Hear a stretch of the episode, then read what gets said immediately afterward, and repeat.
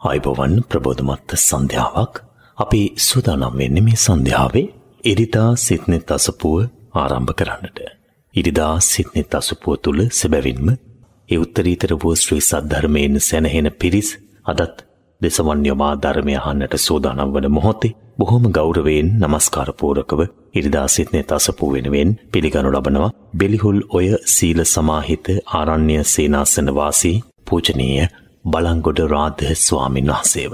උන්වහන්සේට අප ඇරයුම් කරනවා ඉරිදා සිත්නෙ තසපුයේ ධර්මාණු ශාසනාව පැවැත්වීම උදෙසා.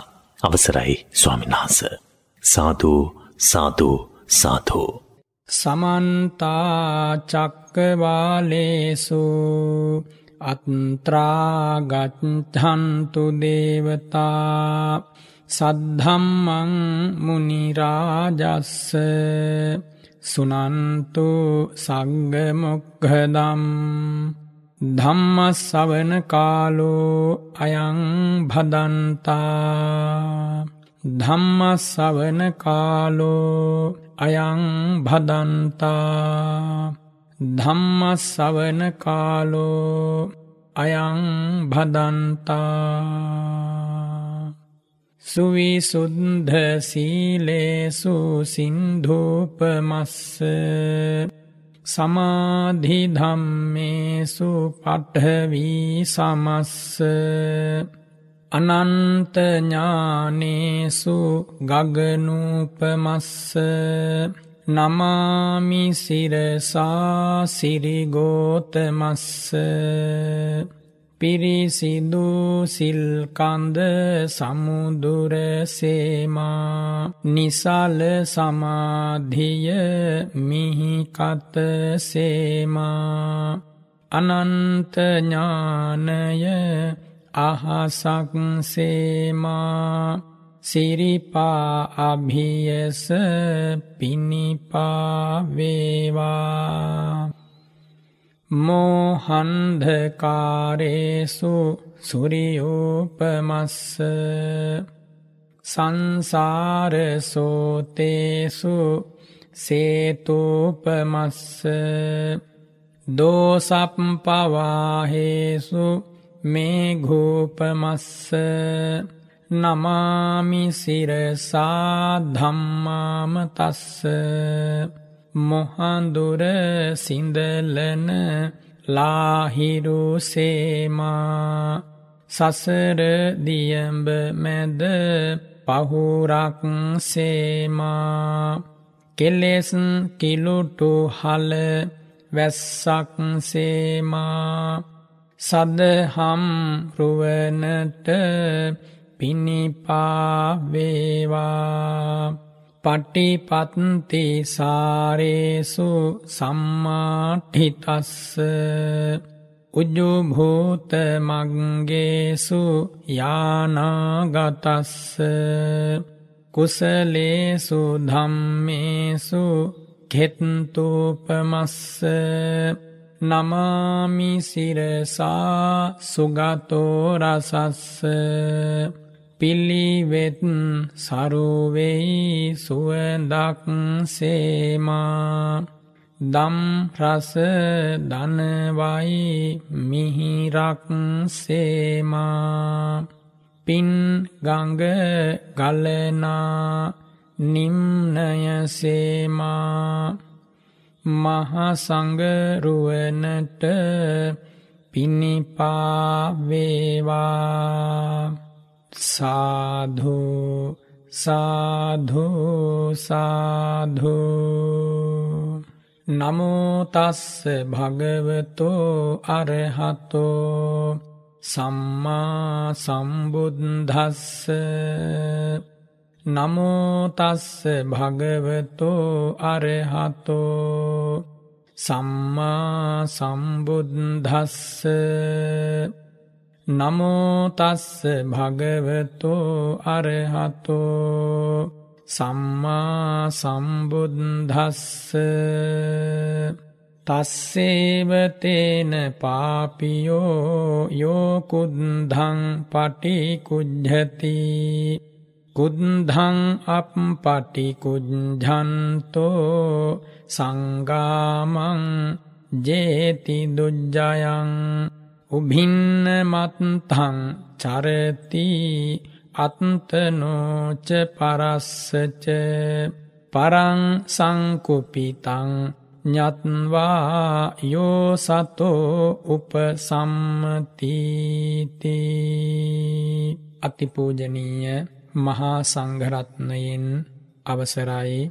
පින්වත්නි බුදු බණපදයකින් සිත සතපා ගැනීමේ වාසනාවන්ත මොහොතයි මේ උදාපත් වනේ සිත්නෙත් අසපුුවෙන් අද ඔබට මේ ධර්මදානය ලබා දෙන්නේ විදේශගත නෙත්ශ්‍රාවිකාවක් විසින් ඇගේ පනස් නම වන උපන්දිනය සිහිපත් කරමින්.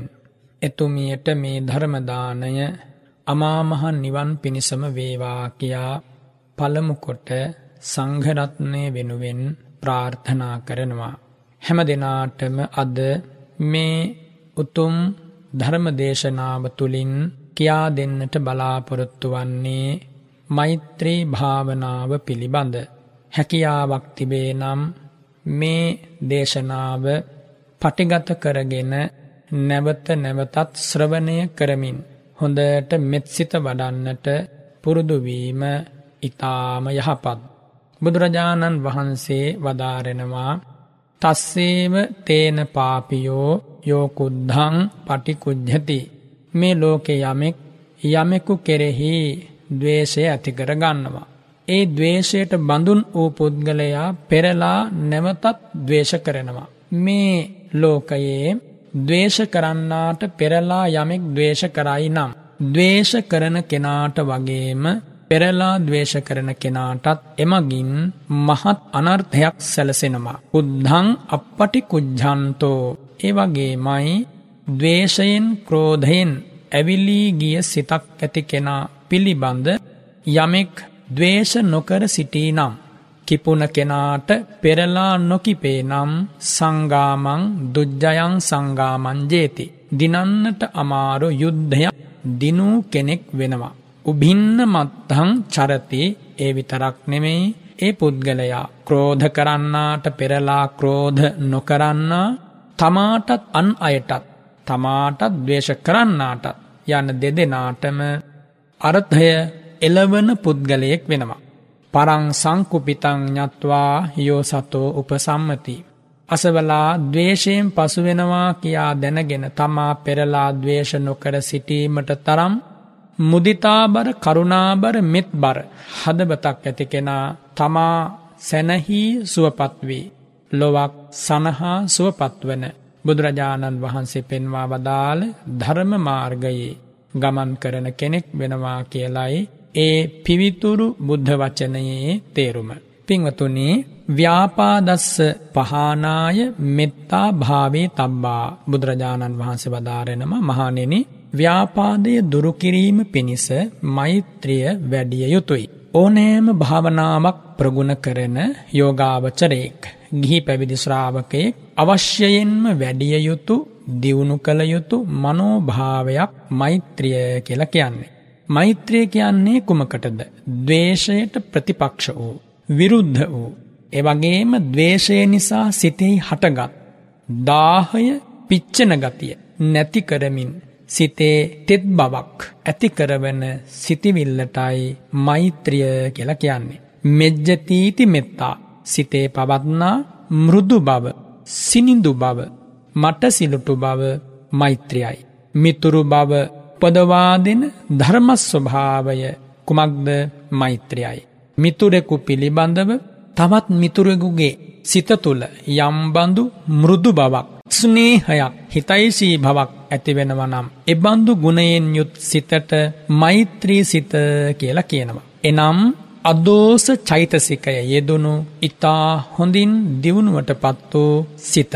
සියලු සත්වයන් කෙරෙහි. ඒ හිතවත් භාවය පැවැත්වීමට කියනවා මෛත්‍රිය කියලා. නැත්නම් සියලු සත්වයන් කෙරෙහි හිතවත් බවක් පැවැත්මයි මෛත්‍රියයේ ලක්ෂණය. කෝපය සංසිදුවීම තමයි මෛත්‍රියෙන් උදාකරල දෙන සම්පත අපේ ජීවිතවලට. මෙබඳු මෛත්‍රිය සිතක් තියෙන පුද්ගලයන්ට බොහෝ ආනිසංස උදාපත් වෙනවා. සුවසේ සැතපෙන්න පුළුවන් සුවසේ අවදි වෙන්නත් පුළුවන් ඒ අතර සුවදායක නින්දක් ලැබෙනවා නපුරු හීන පේන්නේ නෑ. මිනිසුන්ට ප්‍රිය කෙනෙක් වෙනවා. අමනුස්්‍යයන්ටත් ප්‍රිය කෙනෙක් වෙනවා. දෙවියන්ගේ ආරක්ෂාව ලැබෙනවා පිහිට ලැබෙනවා. ගින්දරෙන් වසවිසෙන් වදුරු වසංගතවලින් අවි ආයුධවලින් ඒ පුද්ගලයාගේ ශරීරයට කිසිදු හිංසනයක් සිද්ධ වන්නේ නෑ. මුහුණ ඉතා හොඳින් පැහැපත් වෙනවා. වහවහාම සිත සමාහිත වෙනවා එකඟ වෙනවා. එවගේම එවන් කෙනෙකුට නොමුලාව කළුරිය කිරීමේ හැකියාව ඇති වෙනවා. මරණින් මත්තේ සුගතිය උපදිනවා. මෙන්න මේ ආනිසංස එයාට ලබන්න පුළුවන් වෙනවා මෛත්‍රී භාවනාව හොඳට දියුණු කළොත්. මෛත්‍රිය වඩනකොට පංච නීවරණ ධර්මයන්ගෙන් සිත ඈත් වෙනවා. සිත නීවරණයන්ගෙන් මිදී යනවා ආන්නේ මිදීමට චේතෝ විමුත්තිය කියලා භාග්‍යවතුන් වහන්සේ වදාරනවා. එනම් අර්පනාව හෙවත් ධ්‍යාන පහළවීම. ධ්‍යානලාභී උතුමන් වහන්සේ මේ ජීවිතයේ රහත් වනේ නැත්නම් මරණින් මත්තේ බ්‍රහ්ම ලෝකේ උපදිනවා. මේ මෛත්‍රී භාවනාව පටන් ගැනීමට පෙර. දවේශයෙහි ආදීනව සිහිකරන්නට ඕන. ඒ වගේම ක්ෂාන්තිය හෙවත්. ඉවසීමේ ආනිසංසත් හොඳින් මෙනෙහි කරන්නට ඕන. දවේශයේ ආදීනම දකිනකොට දවේශය දුරුකරන්න අවස්ථාව ලැබෙනවා. ඒවගේම ක්ෂාන්තිය හෙවත් ඉවසීම. ඒ ඉවසීම නිසා ලැබෙන ආනිසංස මෙනෙහි කරනකොට වඩ වඩාත් ක්ෂාන්තිය දියුණු කරගන්නට හැකියාව ලැබෙනවා. මෛත්‍රී භාවනාවෙන් කරන්නේ කුමක්ද දවේශය දුරුකිරීම. සහ ඉවසීම ක්ෂාන්තිය වැඩිදිවුණු කිරීම. දේශයෙන් හිත යටපත් වනාට පස්සේ නොයෙක් විදියේ ලාමකදේ සිද්ධ කරනවා. ආත්මාර්ථය නසාගන්නම පරාර්ථය නැති කරල දහනවා ඒ විතරක් නෙමෙයි මරණින් මත්තේ අපාගාමී වෙනවා.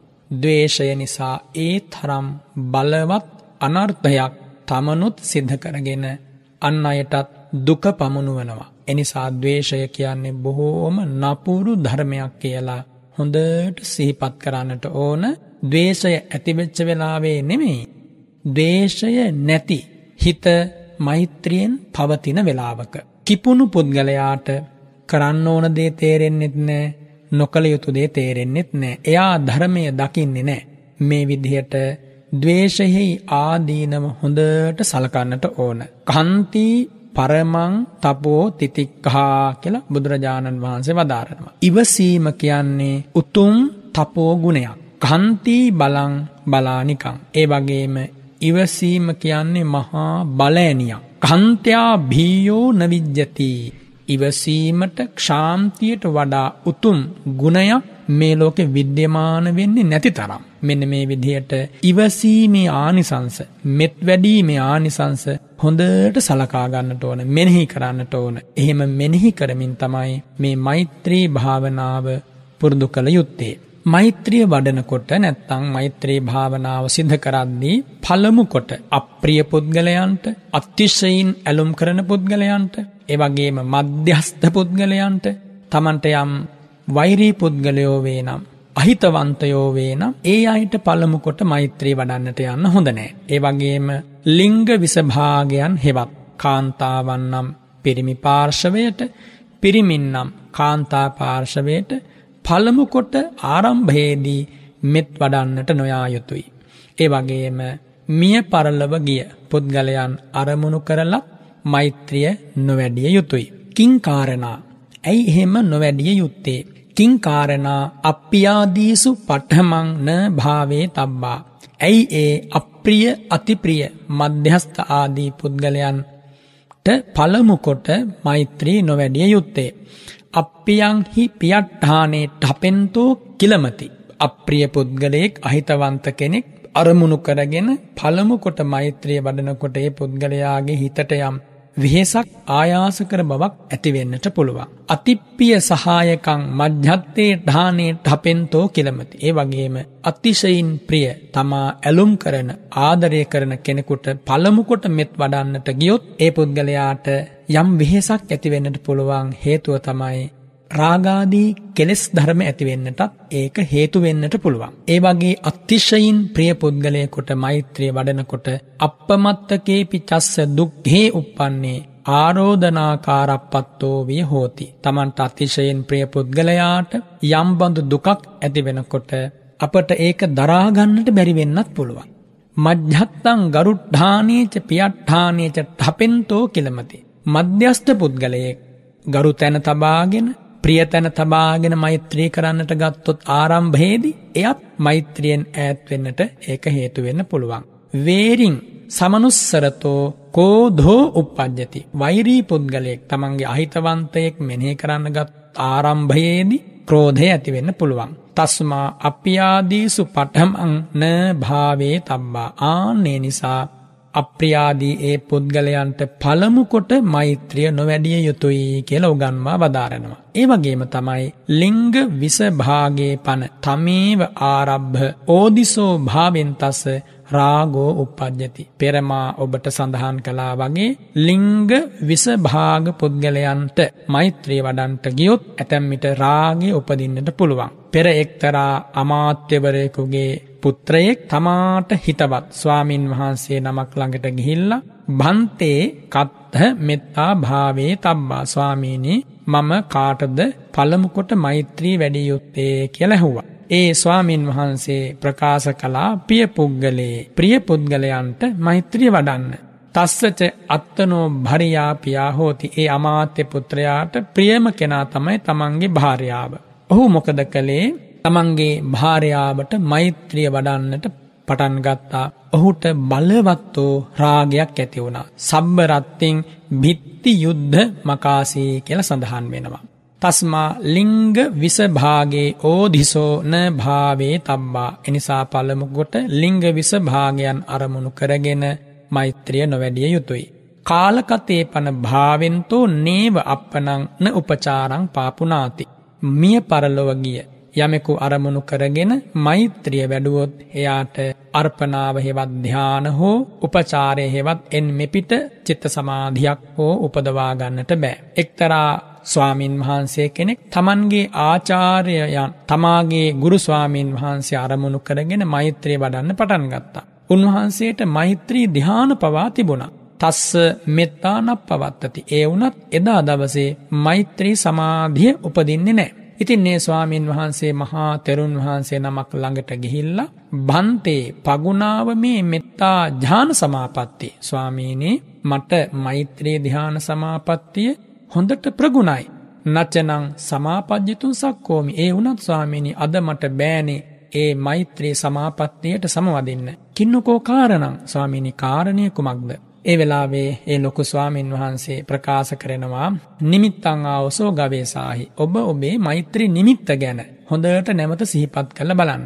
ඉතින්නේ ස්වාමීන් වහන්සේගේ උපදෙස් මත මෛත්‍රී නිමිත්ත හෙවත් පළමුකොට මෛත්‍රී වැඩූ පුද්ගලයා තමන්ගේ ගුරු ස්වාමීන් වහන්සේනි හොයල බලනකොට ඒ ගුරු ස්වාමීන් වහන්සේ ළඟකදී අපවත් වෙලා. ඒ ශිෂ්‍ය ස්වාමීන් වහන්සේක දැනගෙන හිටියේ නෑ. ඉන් අනතුරුව ඒ ස්වාමීන් වහන්සේ වෙනත් ස්වාමින් වහන්සේ නමක් අරමුණු කරගෙන මෛත්‍රී වඩලා ඒ ධ්‍යාන උපදවා ගත්තා. එනිසායි කලුරිය කළ මිය පරලොවගිය අය සම්බන්ධයෙන් මෛත්‍රිය නොවැඩී යුතුයි කියලා දේශනා කරන්නේ. ඒ වගේම පළමුකොට තමාට දෙවනුව හිතවතාට තුන්වනුව මධ්‍යස්ථයාට සතරවනුව අහිතවන්තයාට මෙත් වැඩීම සිද්ධ කළ යුතුයි. ඒක තමයි අනු පිළිවෙල. හිතවතාට මෙත් වැඩීමේදී පිරිමි කෙනෙක් ස්ත්‍රියකට හෝ ස්ත්‍රියක් පිරිමි කෙනෙකුට හෝ පුද්ගලික වශයෙන් මෛත්‍රිය නොවැඩිය යුතුයි කියලා දේශනා කළේ මා ඔබට පෙර සඳහන් කළ හේතුව නිසා. රාගය තමයි මෛත්‍රියට ළඟින්ම ඉන්න හතුරා. ව්‍යාපාදය තමයි ඈත ඉන්න හතුරා. එනිසා රාගය ආලය ප්‍රේමය යනාදී කාමුක තත්ත්වයන්ට නොවැටී හිතවත්කම යහපත්කම පැවැත්වීමේ හැකියාව ඒ සිටිවිල්ල උපදවා පැවැත්වීමේ හැකියාව දියුණු කිරීමයි මේ මෛත්‍රී භාවනාවෙන් අපි බලාපොරොත්තු වන්නේ.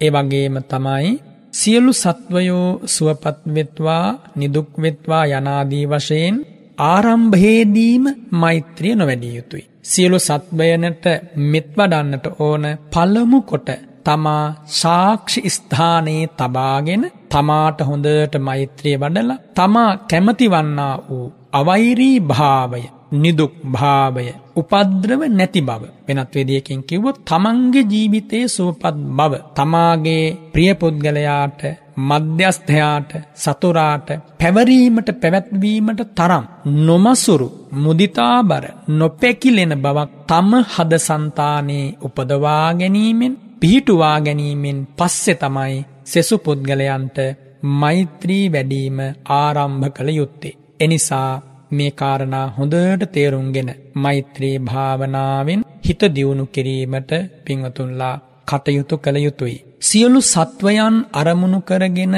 මෛත්‍රී කරන්න පුළුවන් වෙන්නේ යටත් පිරිසෙන් අර්පනාවට ලං වූ ඒ කියන්නේ ධානයට ලං වූ උපචාර මට්ටමේ සිතක්වත් තියෙන කෙනෙකුට යෝගාවචරයෙකුට තමයි සියලු සත්වයන් අරමුණු කරගෙන ඊතා හොඳින් දැනෙන මෛත්‍රියක් පැවැත්වීමේ හැකියාව ඇති වෙන්නේ ඉන් මෙපිට කෙනෙකුට ඒ හැකියාව ඇති වෙන්නේ නැහැ. මේ භාවනාව පිළිවෙලකට සිද්ධ කරගත්තොත් සැබවින්ම ඔබට පුදුම ශාන්තියක් මේ ජීවිතේ අත්විඳ ගන්න ලැබෙයි.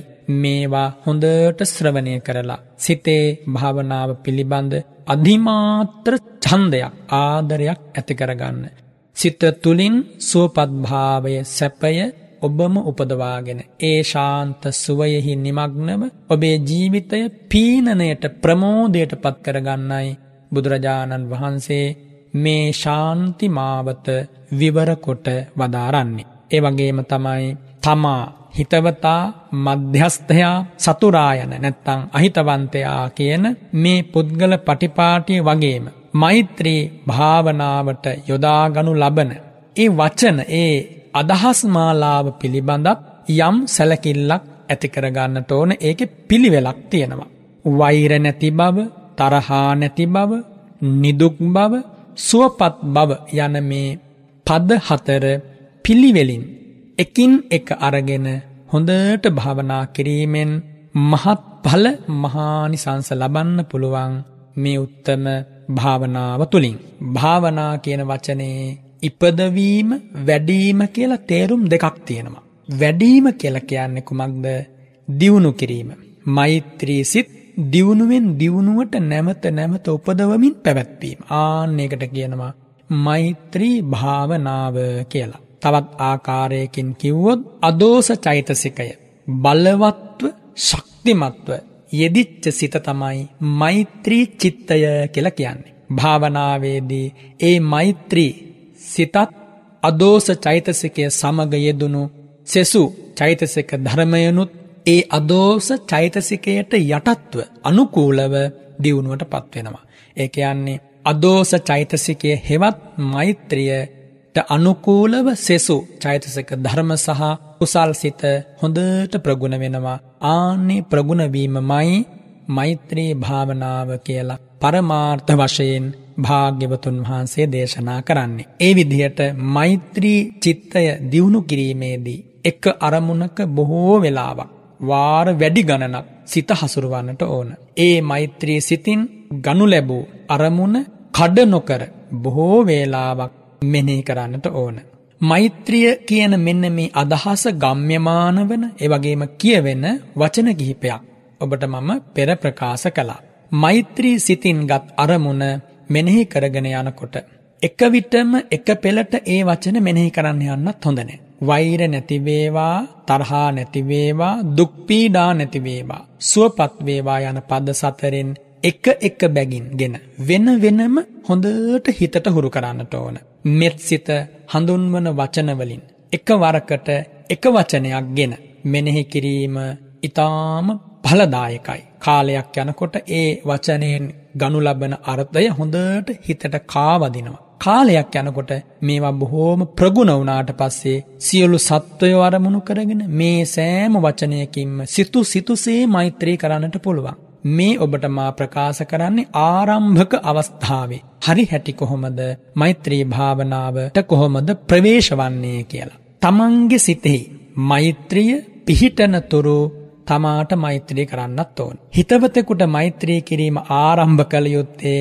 ඊට පස්සේ. එයත් බොහෝ වෙලාවක් කරන්නට ඕන මේ දවසක් දෙකකින් සිතක් මෛත්‍රියෙන් පුරවන්න ලැබෙන්නේ නෑ. ජාති ජාතිත් අප මහාබෝසතාණන් වහන්සේ මෛත්‍රී පාරමිතාව පුරපු හැටි සිහිපත් කරන්නට ඕන. ජාති ජාති දුක් පීඩා කම්කටොළු බාධක කරදර මැදින්. මහබෝසත් චරිතාපදානය ලෝතුරා බුද්ධරාජ්‍ය දක්වාම ආපු හැටි. හරියට බාධක මැද. ගල් මුල් කඳු පර්වත ගුහා මේවා අතරින් ගලා බස්නා ගංගාවක් වගේ. ක්‍රමානුකූලව මහබෝසතාණන් වහන්සේගේ ශාන්ති ජීවිතය ලෝතුරා බුද්ධරාජ්‍ය වෙත පත්වෙච්ච හැටි.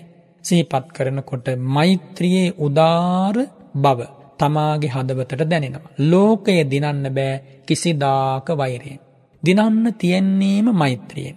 බුදුරජාණන් වහන්සේ දේශනා කොට වදාරෙනවන්නේ නහි වේරේන වේරානි සම්මන්තීද කුදාචනං අවේරේනච සම්මන්ති ඒස ධම්මෝ සනන්තනෝ වෛරයෙන් වෛරය දිනූ කෙනෙක් ඉතිහාසයේ නෑ අදත් නෑ හෙටත් නෑ දිනුවා නම් යමෙක් වෛරය ඒ මෛත්‍රියෙන්මයි.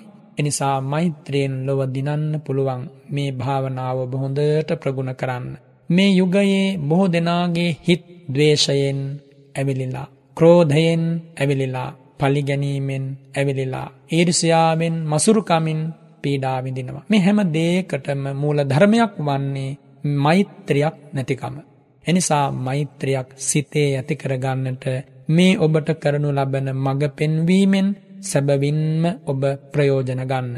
පළමු කොට තමාගේ සිතේ හොඳට මෛත්‍රිය පිහිටුවලා ඉන් අනතුරුව හිතවතාට ඒ මෛත්‍රිය පතුරලා ඊට පස්සේ මැදහත් පුද්ගලයාට බොහෝ වෙලාවක් මෛත්‍රී කරලා ඉන් අනතුරුව තමයි තමන්ට අහිතවන්ත පුද්ගලයන්ට මෛත්‍රිය වැඩිය යුත්තේ. අහිතවන්ත පුද්ගලයෙක් අරමුණු කරනකොට පළමුකොට හිතේ වෛරයක් තරහක් මතුවෙන්න පුළුවන්. එහෙම මතු වෙනවනං ඒ පුද්ගලයා ගැන මෛත්‍රී වැඩීම නවත්වල පළමුකොට තමාට තමන්ගේ හිතවන්තයාට මධ්‍යස්ථයාට කියන තුන් දෙනාට මෛත්‍රී වඩන්නට ඕනයි. එහෙම කරනකොට ඉපදිච්ච ක්‍රෝධය වෛරය වහා සංසිඳෙනවා. ඉන් අනතුරුව හොඳට සිතෙහි මෛත්‍රිය පිහිටියාට පස්සේ නැවතත් අහිතවන්තයාට මෛත්‍රී වඩනවා.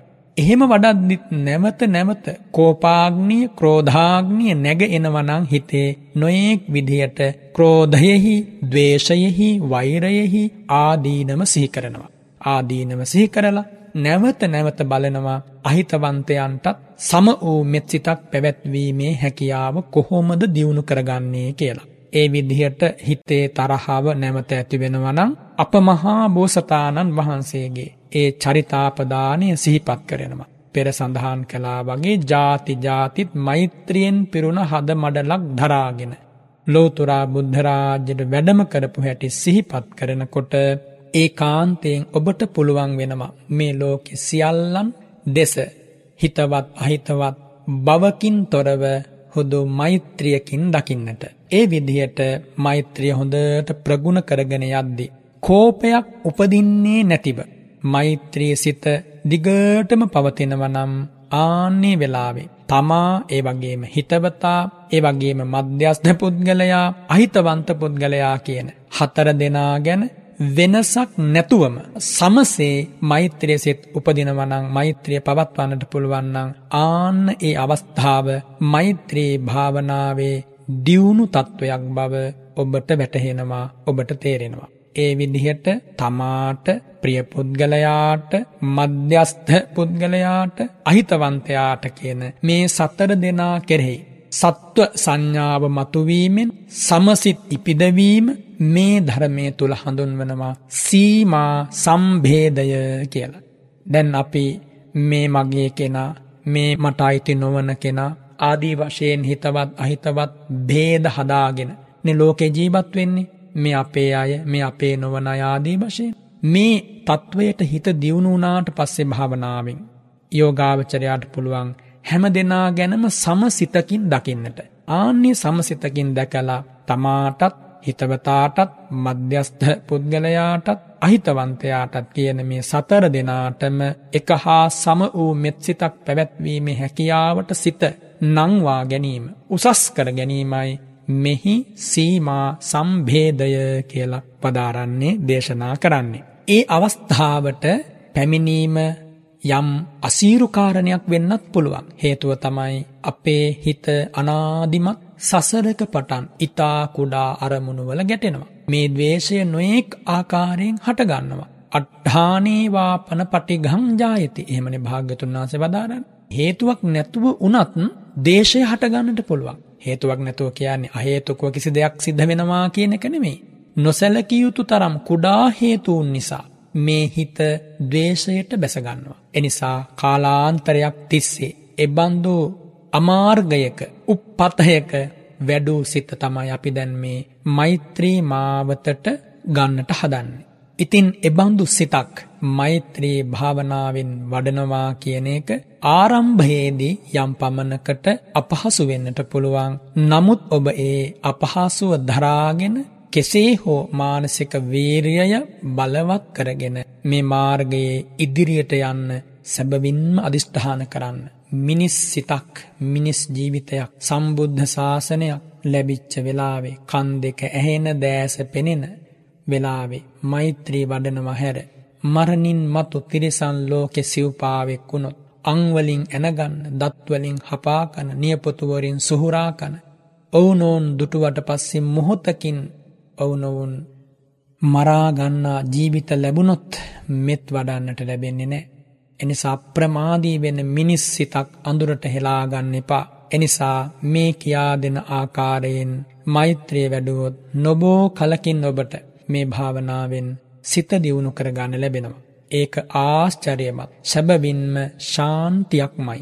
එනිසා මෛත්‍රිය වැඩීම ඉතාම පිරිසිදුව පිළිවෙලකට අපි හැම දෙනාම සිද්ධ කළොත් මේ රටට මේ ජාතියට මුළු මහත් ලෝකයට ආශ්චර්යමත් වූ ඇස්පනාපිට පෙනෙන සෙතක් සැලසෙනවාමයි. බුදුරජාණන් වහන්සේ මේ දහම දේශනා කළේ පුද්ගල ජීවිතවලින් මතු වෙලා. පිරිසිදු හදමඩළුවලින් බබලන මිනිස් පිරිසක් අතරින් ලෝකයට ආශිරුවාදය ශාන්තිය විහිදිලා යනාකාරය. එනිසා බුදුරජාණන් වහන්සේගේ සිරිපා තැබූ මාවතේ අපිත් ගමන් කරනව නම් මෛත්‍රියමයි අපේ ජීවය විය යුත්තේ.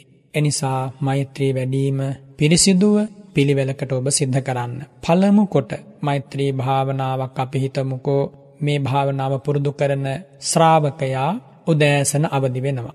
වෙලා ඇතිව අවදි වෙලා තෙරුවන් වන්දනා කරනවා. දිග වෙලාවක් නෙමෙයි. ඉතාම කෙටියනුත් නෙමෙයි. යම් පමණකට ගාථා සජ්්‍යායනා කරමින් තමන්ට හොඳට ඒ මොහොතේ හිතට දැනෙන ශාන්ත මිහිරි හඬකින් තෙරුවන් වහන්සේලා වන්දනා කරලා තෙරුවන් වහන්සේලාගෙන් සමාව ඉල්ලා සිටිනවා. ඇයි අපි සමාව ගන්නේ? සංසාරේ ಜಾති ಜಾති තාපු ගමනේ බුදුරජාණන් වහන්සේලා ගැන පසේ බුදුරජාණන් වහන්සේලා ගැන මහරහත් උතුමෝ ගැන ආර්ය ශ්‍රාවක ශ්‍රාවිකාවරුන් පිළිබඳ අපේ ජීවිතවලින් වැරදි සිද්ධ වෙලා තියෙන පුළුවන්. නොමනාකම් නොපනත්කම් සිද්ධ වෙලා තියෙන පුළුවන්. අපහාස උපහාස කරලා තිබුණොත් වරදවා පිළිපැදලා තිබුණොත් මේ ජීවිතේ ඒ විපාකේ මතුවුණොත් ඒ ආර්ය උපවාදය නිසා ඔබට භාවනාව දියුණු කරන්න ලැබෙන්නේ නෑ. නමුත් ඔබ සමාව අයද සිටියොත් ඒ සමාව ඔබට ඒ කාන්තයෙන් ලැබෙනවා. ඔබට භාවනා මාර්ගයේ දියුණු කරන්න ඒක හේතුවක් වෙනවා. ඒ වගේම දෙවියන්ට පින් අනුමෝදන් කරලා ඒ වගේම දෙවියන් සහිත ලෝකේ යම් කිසි කෙනෙක් යම් බඳු පිනක් රැස් කළා නම් ඒ පින අපිත් අනුමෝදන් වෙලා හිත තවත් හොඳට සුවපත් කරගන්නට ඕන. ඒ වගේම තමන් තමන්ගේ සීලය ගැන හොඳට ආවර්ජනා කරලා බලන්නට ඕන. මම පිරිසිදු සිල් ඇති කෙනෙක්ද.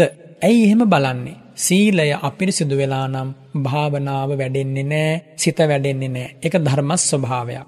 අපිරිසුදු වෙලා නම් තියෙන්නේ සීලය වහාම සිල් පිරිසුදු කර ගැනීම තමා විසින්ම හෝ එහෙම නැත්තං සුදුසු උතුමන් වහන්සේ නමක් ළඟ හෝ සිද්ධ කළ යුතුයි ගිහියත්තු නම්. පැවිදි ජීවිත ගත කරන ස්වාමීන් වහන්සේලා නම් උපසම්පදා ස්වාමීන් වහන්සේලා නම් වහාම ඇවැත් දෙසාගෙන සාමනේර නමක් නම් තමන්ගේ උපාධ්‍යාය ස්වාමීන් වහන්සේ ළඟ සීලය පිරිසුදු කරගන්නට ඕන. එහෙම පිරිසුදු කරගෙන තමාටම අවවාද කරගන්නට ඕන. තමාට අවවාද කරගන්නේ කොහොමද? මේ ලැබූ ජීවිතය කලාතුරකින් ලැබෙන ජීවිතයක් බුද්ධ ශාසනයක් ඔබට ලැබුණා.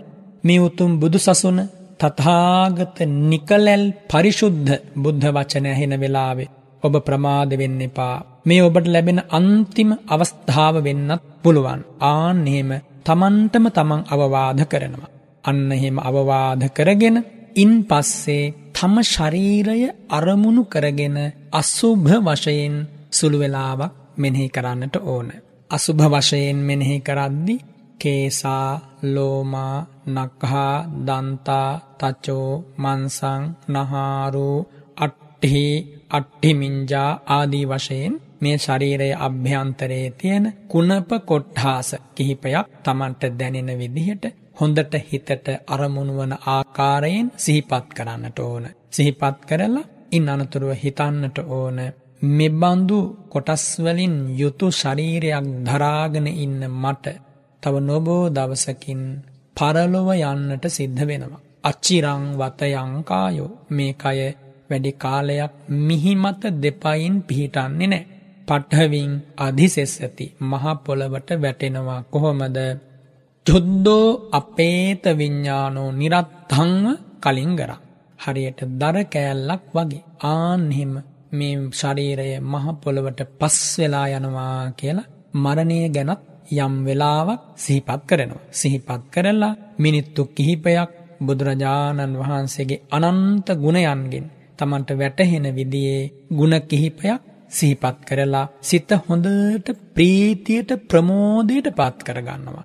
බුදු ගුණ හිතනකොට සිත ප්‍රමෝදමත් වෙනවා. සිත අවදිමත් වෙනවා. ඒ වගේම මරණය ගැන සිහිපත් කරනකොට අප්‍රමාදී වෙනවා. නිදිමත එනවනම් කම්මැලිකමක් එනවනම් වහාම ප්‍රහාණය වෙනවා. අසුභය ගැන හිතනකොට රාගික චේතනා ඇති වෙනවනම් එව්වා වහාම ප්‍රහාණය වෙනවා. මේ විදිහට සිත වඩාත් හොඳින් සුවපත් කරගෙන ඉන් අනතුරුව පහසු ආසනයක වාඩි වෙලා පහසු ආසනයක වාඩි වෙලානේ කොහොමත් මේ විදිහට සිද්ධ කරන්නේ. ඒ ආසනයේම වාඩි වෙලා අදිෂ්ඨානයක් කරනවා. මම Tamanට හැකි වෙලාව කල්තියා තීරණය කරගෙන මම මේ ඉදිරි හෝරාවේ මොන්නම හේතුවකින්වත් නැගිටින්නේ නැහැ. මොන්නම හේතුවකින්වත් මේ ඉරියව්ව මම වෙනස් කරන්නේ නැහැ. අත්බා හන්දි මේ මස් වැදලි කොච්චර රිදුම් දුන්නත් බිඳුම් දුන්නත් නෑ මම නැගිටින්නේ කියලා දැඩ්ඩි ලෙස අධිෂ්ඨාන කරනවා. ආන්නේ වෙලාවේ ඕනනම් සිහිපත් කරනවා. ඒ භාග්‍යවත් බුදුරජාණන් වහන්සේ උරුවෙල් දනව්වේදා කරපු අවුරුදු හයක ඉතා බිහිසුණු දුස්කර ක්‍රියාව පිළිබඳ.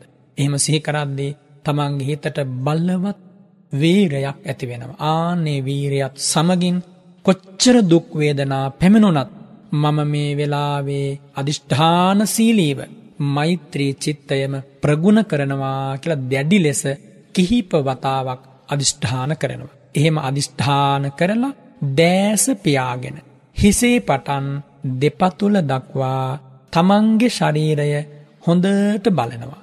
සිතින්මයි බලන්නේ. එහෙම බලනකොට තමාගේ රූපය තමාටම මැවිල්ලා පේනවා වගේ. සිතින් ඒ දෙස බලන්නට පුළුවන් හැකියාව ඔබට ඇති වෙනවා.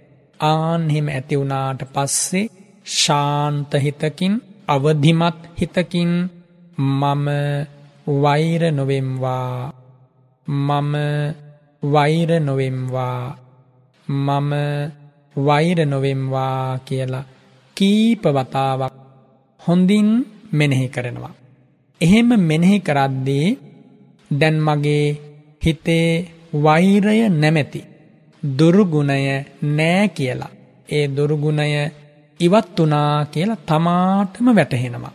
ආන්නෙම වැටහුණාට පස්සේ මෛත්‍රිය නම් වූ සිසිලස මෛත්‍රිය නම් වූ ශාන්තිය මෛත්‍රී ගුණය තමන්ගේ හදවත තුළ තදින්ම පිහිටුවා ගැනීම පිණිස මම වෛර නැත්තෙක් වෙමි මම වෛර නැත්තෙක් වෙමි මම වෛර නැත්තෙක් වෙමි. මෙන්න මෙහෙම පුළුවන් තරං වෙලාවක් හොඳට අවධිමත් සිතකින් මෙනෙහි කරනවා.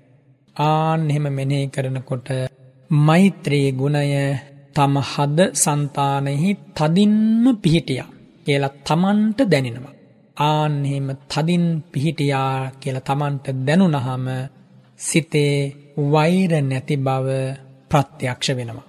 ඉන් අනතුරුව මම තරහා නැත්තෙක් වෙම්වා මම තරහා නැත්තෙක් වෙම්වා මම තරහා නැත්තෙක් වෙම්වා මෙන්න මෙහෙම පුළුවන් තරම් වෙලාවක් මෙනෙහි කරනවා මෙනෙහි කරද්දී තමාටම දැනෙනවා මා හදවතේ දැන් කිසිවෙක් පිළිබඳව තමා පිළිබඳව හෝ තරහක් නෑ කියලා. ඒ තරහක් නැති බව තදින්ම සිතෙහි පිහිටුවා ගැනීම පිණිස මම තරහා නැත්තෙක් වෙමි. මම තරහා නැත්තෙක් වෙමි. මම තරහා නැත්තෙක් වෙමි කියලා පුළුවන් වාර ගානක් හොඳට මෙනෙහි කරනවා.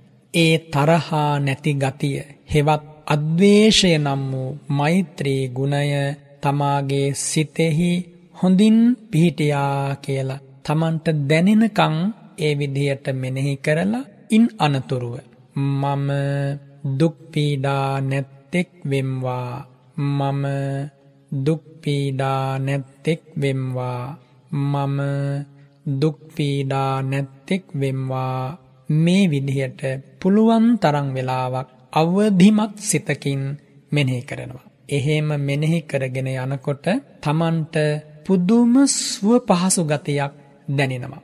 පීඩාවක් නෑ පුළුන් රොදක් වගේ ශරීරය ටික ටික සැහැල්ලු වෙනවා. හරි ප්‍රීතියක් ඇතුළතින් මතුවෙන්න පටන් ගන්නවා. ආන්හෙම දැනෙනකං සිද්ධ කරලා ඉන් පස්සේ ඒ දුක් පීඩා නැති බව මා හදවතේ මනාව පිහිටුවා ගන්නවා කියන අදිෂ්ඨානය තම හිතට එනවා. ඒත් සමගම මම දුක් පීඩා නැත්තෙක් වෙමි. මම දුක් පීඩා නැත්තෙක් වෙමි. මම දුක් පීඩා නැත්තෙක් වෙමි. මේ විදිහට පුළුවන් තරම් වෙලාවක් ඒ සිතුවිල්ල ඒ අදහස නැවත නැවත මෙනෙහි කරනවා මතු කරනවා. ඔබේ හදවතේ දුක් පීඩා දුරු වෙනකොට ආන් එතන තියෙන්නේ කුමක්ද? සැබවින්ම සැපය. සාන්තිය. දැන් මේ මානසික සුවපත් භාවයේ හෙවත් මෛත්‍රී සිටිවිල්ල තමන්ගේ හදවතින් මැකී යන්නට නොදී තදින්ම පිහිටුවා ගැනීම පිණිස ඉන් අනතුරුව කුමක්ද කළ යුත්තේ. මම සුවපත් වෙමි. මම සුවපත් වෙමි. මම සුවපත් වෙමි කියලා ඊතා තදින් ඊතා හොඳින් මෙනෙහි කරනවා. මෙනෙහි කරනකොට පෙර කවදාවත් නොදැනිච්ච තරම් මානසික සුවපත් භාවයක් හදවතේ ප්‍රීතියක් ශාන්ත බවක් ඔබට දැනෙනවා. හරියට ගිනි මද්දාහනේ වැලි රත්වෙච්ච මාර්ගයක ඇවිදගෙන ඇවිල්ලා. දහඩියෙන් ගත තෙත් වෙලා පිපාසිතයකුට සීතල පොකුණකට බැහැලා. පිපාසය සංසිදෙන තුරු පැන්පානය කරලා ගත සතපා ගත සනහා සිහිල් කරගන්නවා වගේ ඔබට මේ මෛත්‍රිය සිසිලස හොඳට දැනෙනවා මේ විදියට උවමනාවෙන් සිද්ධ කළොත්. ඉන් අනතුරුව තමාටම තමා අවවාද කරගන්නවා කොහොමද. පින්වත් යෝගාවචරය ඔබට මේ තරම් උතුම් මානසික සුවයක් දැනුනේ. සිතේ හටගත් වෛරී සිතුවිල්ල ඔබ දුරු කරපු නිසා. තරහා සිතුවිල්ල ඔබ දුරු කරපු නිසා. වෛරයෙන් තරහෙන් ඈත්වෙලා ඉන්න පුළුවන් විදිහට ඔබ හිත හදාගත්ත නිසයි ඔය මානසික ශාන්තිය ඔබට ලැබුණේ. ඒ මෛත්‍රී ගුණය ඔබ තදින්ම ඔබේ හදවතේ මැකෙන්නට නොදී පිහිටුවා ගත යුතුයි කියලා තම තමාටම තම තමා අවවාද කරගන්නවා.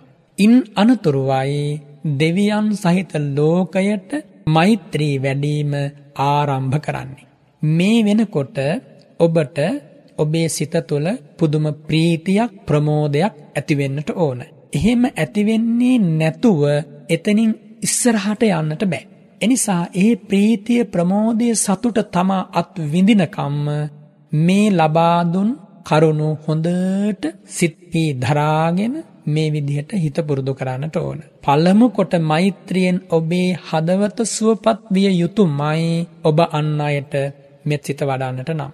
එහෙම නැත්නම් අපි හුදු වචන ටිකක් සජ්ජායනා කළ පමණින් මෙනෙහි කළ පමණින් මෛත්‍රී භාවනාව වැඩෙන්නේ නැහැ. එනිසා මේ කරුණු ඔබට මාස ගානක් පුරුදු කරන්න පුළුවන්.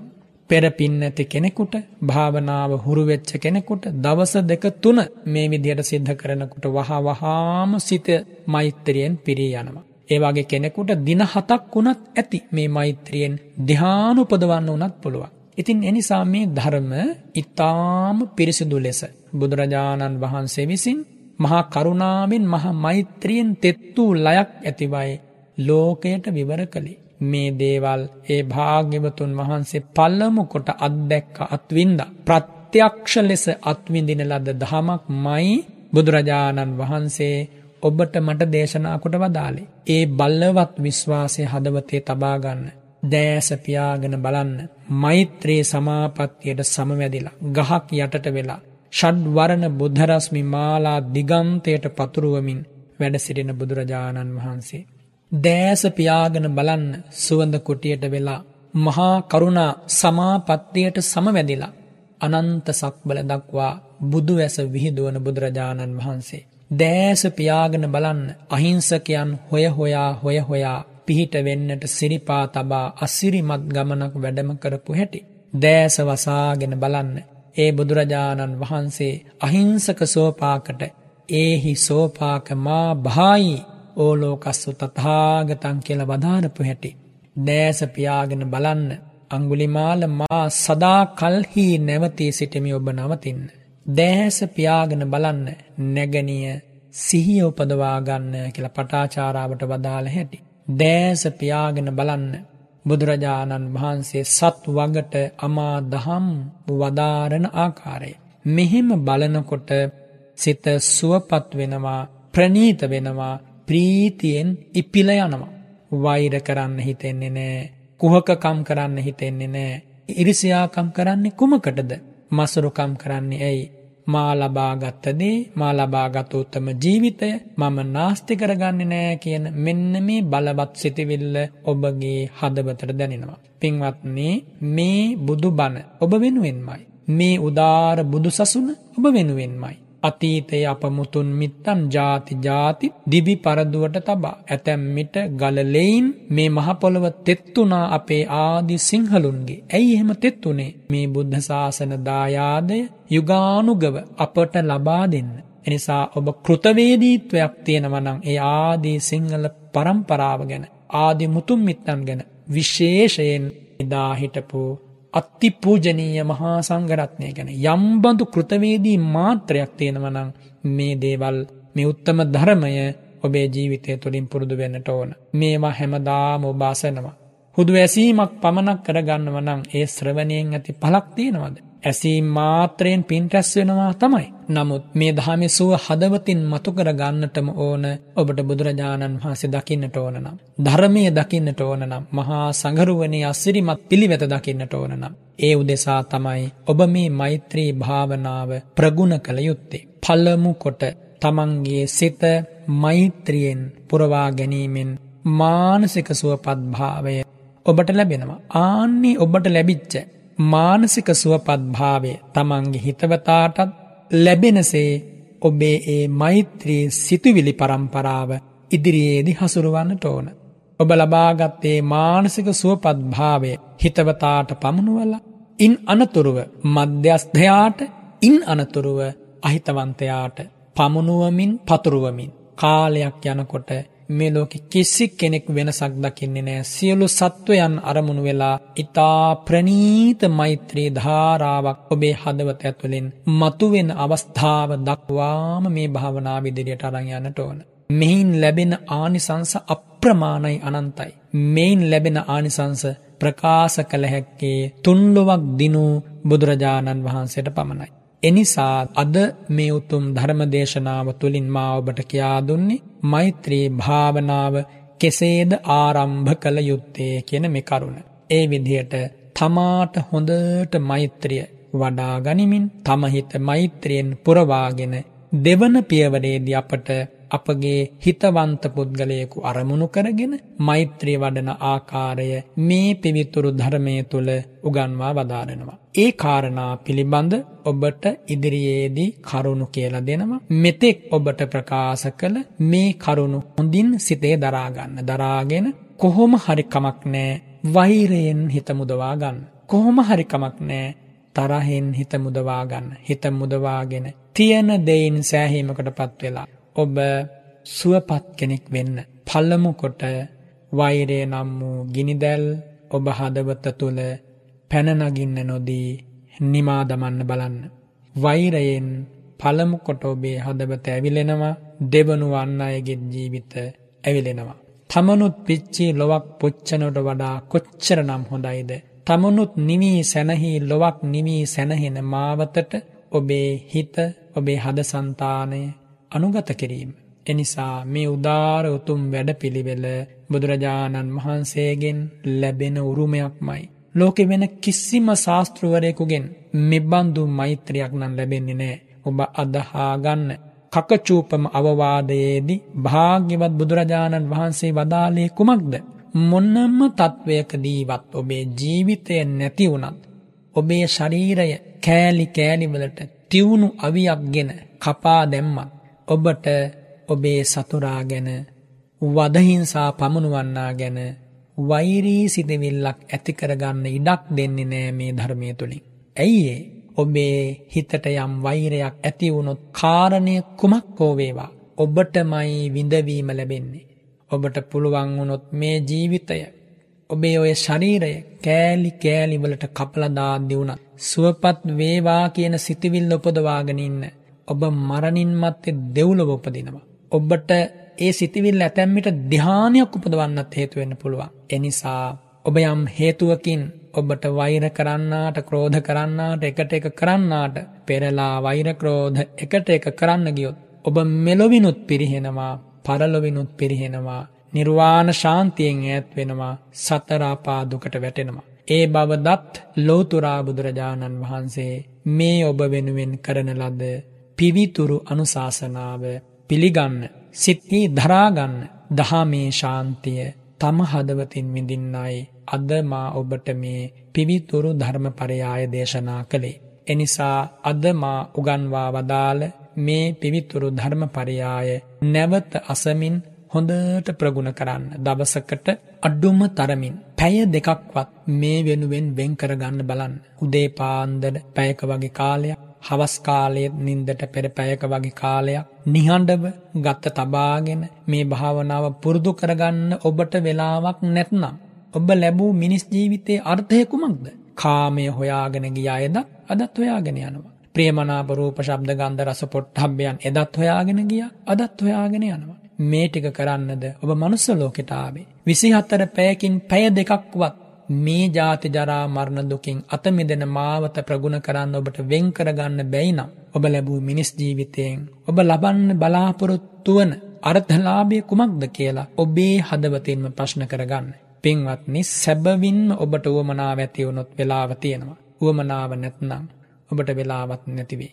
එනිසා අද මේ කියා දුන් පාඩම සිත්හි දරාගෙන හොඳට ප්‍රගුණ කරන්න අපි නැවතවාරයකදි මේ පිළිබඳව වැඩි විස්තර ඔබට කියා දෙනවා. සිත්නෙත් අසපුවෙන් අද ඔබට මේ ධර්මදානය ලබා දුන්නේ විදේශගතව ඉන්න නෙත් ශ්‍රාවිකාවක් එතුමිය නම සඳහන් කරලා නෑ 59 වන ජන්මදිනය සිහිපත් කරගෙනයි ධර්මාවබෝධය පිණිසම මේ පින් හේතු වේවා කියලයි එතුමිය ප්‍රාර්ථනා කරන්නේ. දෙවියන්ට බ්‍රහ්මයන්ට පින්පෙත් පැමිණවීම මහා සංඝරත්නයට සෙත් පැතීම එතුමියගේ නමින් මිය පරලොව ගිය සංසාරගත ඥාති මිත්‍රාදීන්ට පින් අනුමෝදන් කිරීම දේශකයන් වහන්සේට චතුරාර්ය සත්‍ය ධර්මය අවබෝධ වේවා කියන පිවිතුරු බලාපොරොත්තුව ඒ වගේම දායකත්වයේ දරණ එතුමියත් එතුමියගේ දියණියන් තිදෙනා බෑනනුවන් තිදෙනා මුණුබුරු මිනිපිරියන් ඇතුළු බණ ඇසූ ධර්මයේ ශ්‍රවණය කළ ලක්වාසී ලෝවාසී හැම දෙනාටම මේ උදාර උතුම් පින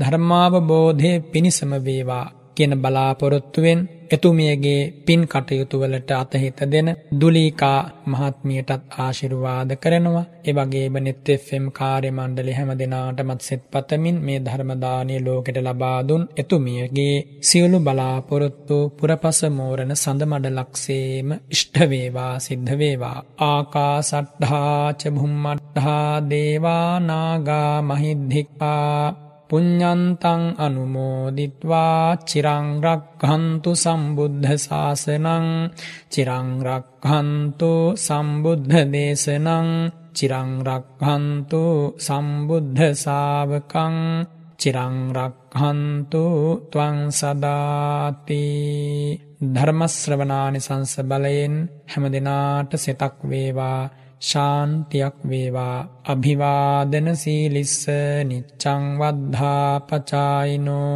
චත්තාරෝ ධම්මා වඩ්ඩම්ති ආයුවන්නෝ සුඛං බලං. ආයු ආරෝග්‍ය සම්පatti සග්ග සම්පatti මේවච. අත්හෝ නිබ්බාන සම්පatti ඉමිනාතේ සමිජ්ජතු. සාධෝ සාධෝ සාධෝ. හඳ අපේ නැවතත් ඉරිදා සිත්නෙ තසපුුව වැඩසටහන සමගෙනුවේ සම්බන්ධ වන්නේ.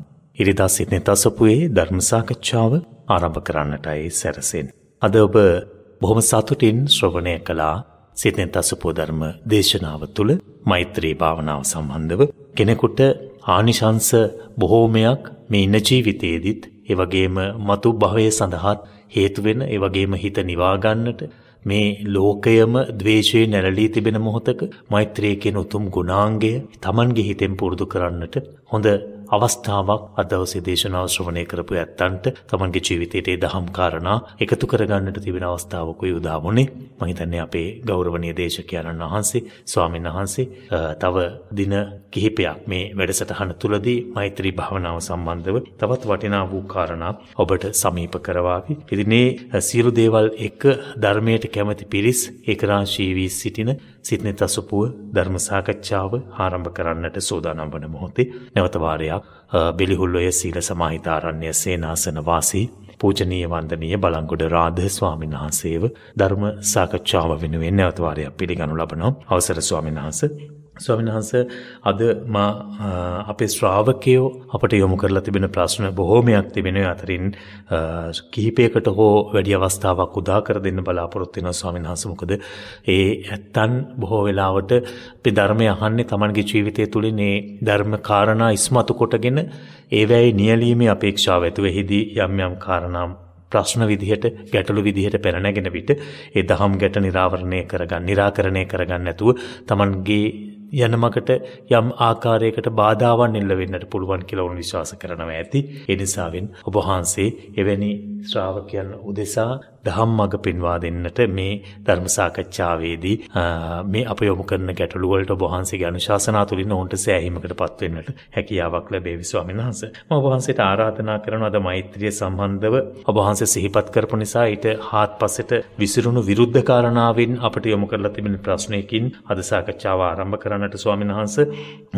ස්වාමීන් වහන්සේ මේ යොමු කරලා තිබෙන ප්‍රශ්නයේ තිබෙන්නේ අපේ ශ්‍රාවකෙක් ද්වේෂයෙන් යුතුව තරහ අය කරන දේවල් අපේ හිතේ තදින් මතක හිටිනවා. කාලයක් කියනොත් අපි පලිගන්න යොමු වෙනවා. හැබැයි අපි කරන හොඳ දෙයක් හෝ අපේ හිතේ මෛත්‍රී සහගත චේතනාවක් හෝ වැඩෙන්නට කාලය යනවා කියලා ඔහු සඳහන් කරලා තිබෙනවා. ඊට වඩා වේගයකින් ද්වේෂය අපේ හිත තුළට එබෙන්නේ. ද්වේෂය අප තුලින් ක්‍රියාත්මක වෙන්නේ ඇයි කියලායි ඔහු විමසා සිටින්නේ ස්වාමීන් වහන්සේ. ද්වේෂය සමග මතකයේ තදින් බැඳලා තිබෙන්නේ ඇයි කියන කාරණය. එතුමන් විමසලා තිබෙනවා ස්වාමීන් වහන්සේ. අද සිද්නෙත් අසපුව ධර්ම සාකච්ඡාවට සවන් දෙන අතිපූජනීය මහා සංඝරත්නයෙන් අවසරයි පින්වත් වරුණ ඇතුළු ශ්‍රද්ධාවන්ත පින්වත්නි ද්වේෂය පමණක් නෙවෙයි සෙසු ලාමක අකුසල් ධර්මයන් උනත් මේ හදවතේ වහාම නතර වෙනවා. රාගයත් එහෙමයි, දේශයත් එහෙමයි. සෙසු අකුසල ධර්මයනුත් එහෙම අකුසලයේ ස්වභාවය වරුණ වහාම පුරුදු නොකළ සිතක් ගිල ගන්නවා. සත්වයාගේ මනසේ ප්‍රකෘතීන් හතරක් තියෙනවා. විශේෂයෙන් බුදුරජාණන් වහන්සේ දේශනා කරනවා. ඒ ප්‍රකෘතීන් හතර තමයි එකක් තමයි ප්‍රමාදය. කුසල් දහම් විෂයෙහි වරුණ දැඩි ප්‍රමාදයක් මිනිසුන්ගේ හිත්වල තියෙනවා. කැමති නෑ හරි මලානිකයි. පසුබහිනවා දානයක් පූජා කරන්න හිතුවත් සිල් ගුණ ධර්මයක් පුරුදු කරන්න හිතුවත් වෙන යම් පුණ්‍ය කටයුත්තක් සිද්ධ කරන්නට මගහසර පෑදුනත් සෑහෙන පිරිසක් පසුබසිනවා. ප්‍රමාදය එක මානසික ප්‍රකෘතියක්. ඒ කියන්නේ සත්වයෙකුගේ සාමාන්‍ය ප්‍රකෘතිය තමයි ප්‍රමාදය. කුසල් දහම් විශේෂයි පසුබසින ස්වභාවය. ඊළඟට දෙවන ප්‍රකෘතිය තමයි මානසික ද්වේෂය. එකනි මනසක ප්‍රකෘතියක් මේක බොහෝ දෙනාගේ මනසේ සහජ දායාදයක් කියලා කියන්න පුළුවන්. දේශය. ඊළඟ ප්‍රකෘතිය තමයි රාගය. ඊළඟ ප්‍රකෘතිය තමයි වරුණ පුද්ගල හිතක ඇතිවන ශ්‍රද්ධාව නැති බව අශ්‍රද්ධාව. එතුර අශ්‍රද්ධාව ප්‍රමාදය රාගේ දේශය කියන මේම මේ හදවතක ඇති වෙනවා. නිතර නිතර ඇති වෙන එතකොට හිතන්නවරුණ එහෙම මනසක කවරුවරි කෙනෙක් දොස් කීපු කාරණයක් හරි බැන වැදිච්ච දෙයක් හරි ද්වේෂයට අරමුණක් මතු වුණා නම් ඒක නැවත නැවත මනස විසින් උලුප්ප උලුප්පා දෙනවා කියන එක පුදුම සහගත නැහැ. ඉතින් භාග්‍යවතුන් වහන්සේ ඒකයි දේශනා කරේ මේ මනස කියන්නේ මනසාචේ පදුට්ඨේන භාසතිවා කරෝතිවා. පළුදු වී ගිය, දැදුරු වී ගිය අකුසලයෙන් වැසී ගිය මනසකින් යමක් කරයි නම් මෙයාට දුකට හේතු වෙනවා. මේතෙන්දී අපි තේරුම් ගන්නට ඕන වරුණ රාගයේ පමණක්, දේශයේ පමණක් නෙවෙයි සෑම අකුසලයකම ප්‍රകൃතියයි. පළමු කොට ඒව හඳුනා ගන්න. හඳුනාගෙන අකුසලයේ ඇති ඒ ඊ타මත්ම සියුම්ම ක්‍රියාත්මක වන අපේ මුළු පිරිසිදු හදසන්තානියම වසා ගන්න අඳුරු පටලයක් වගේ මේ දේවල් බොහොම උවමනාවෙන් උනන්දුවෙන් ඉවත් කිරීම පිණිස කටයුතු කරන්න. ද්වේෂය කියන දේ නිකම් ප්‍රහාණය වෙන්නේ නැහැ. කුසලයක හිත පිහිටුවන එක සෑහෙන අමාරුයි වරුණ. ඒක අපි පිළිගන්නට ඕනේ. අමාරු දේ තමයි කොහොම හරි කරන්න ඕනේ. බුදුරජාණන් වහන්සේ දේශනා කරනවා. සක්කා භික්කවේ අකුසලම් පජහිතුම්. මහණනි මේ අකුසල දහම් තවන්න පුළුවන්, ද්වේෂය අයින් කරගන්න පුළුවන්. හැබැයි අල්ප තාමයකින් අල්පෝත්සාහයකින් නෙමෙයි.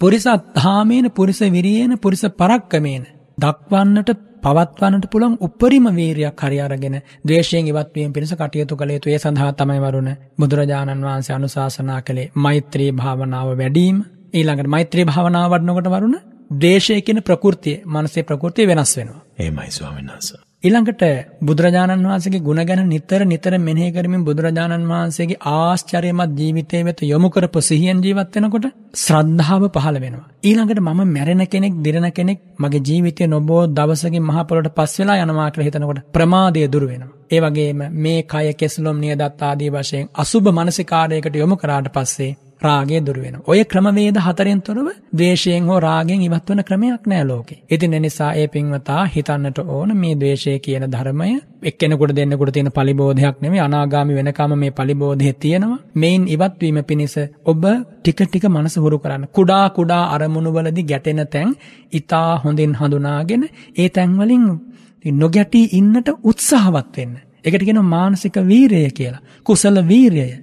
වරුණ කුසල වීරිය වඩන්න නැතුව කොහොමත් කුසල් දහම් දිනු වෙන්නේ නැහනේ. අකුසලයේ පින සාමුතුවෙන් වීරිය වඩන දෙයක්වත් නැහනේ. අකුසලයේ කියන්නේ ප්‍රകൃතියක් කියලා දැන් ඔබට මා කියලා දුන්නානේ. එනිසා ඒ ප්‍රകൃතියේ මනස ගලවා ගැනීම පිණිස ඊට ප්‍රතිපක්ෂ කුසල විතරකයක් ගොඩනගලා මෛත්‍රියෙන් යම් කෙනෙක් කල්ගත කරනවා නම් යාට ඒ ද්වේෂයෙන් බේරෙන්න පුළුවන්. බුද්ධානුසතිය ආදී අනුසති භාවනාව කියදෙනවා නම් ඒ ද්වේෂයෙන් බේරෙන්න පුළුවන්. ද්වේෂයේ ආදීනව සිහි කිරීම වරුණ ඒකත් එක හේතුවක්. දේශය ආදීනව සීකරන මේ දේශය නිසා මටත් අන්න යටත් වන විපාක.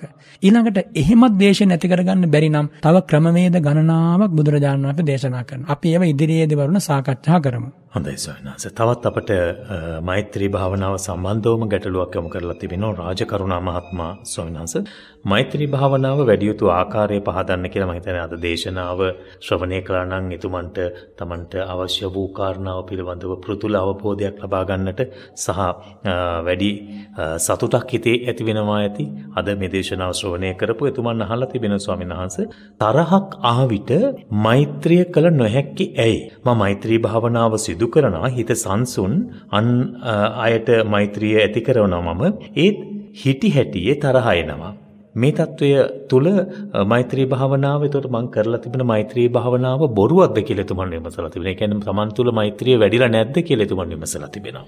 වරුණ ඉඩෝරයකින් ඉරිතලී ගිය පොළවක වලක්කාරලා පැලයක් හිටවුවොත් පැලවෙනවද? වහා මැරිලා යනවා. අන්න ඒ වගේ ද්වේෂයෙන් ඉරිතැලීගිය සිතක මෛත්‍රිය නම් වූ පැළය රෝපණය වෙන්නේ නැහැ. ඒ සඳහා දේශයෙන් තොරව හිත පවතින වෙලාවකයි මෛත්‍රිය නම් වූ ඒ පැළය නැත්තම් ඒ බීජය නැත්තම් ඒ භාවනාමය මානසිකාරය රෝපණය කරන්නට ඕනි වවන්නට ඕන. එනිසා පුද්ගල මනසක් ද්වේෂයෙන් වැසුනට පස්සේ අන්ධං තමන් තදා හෝති.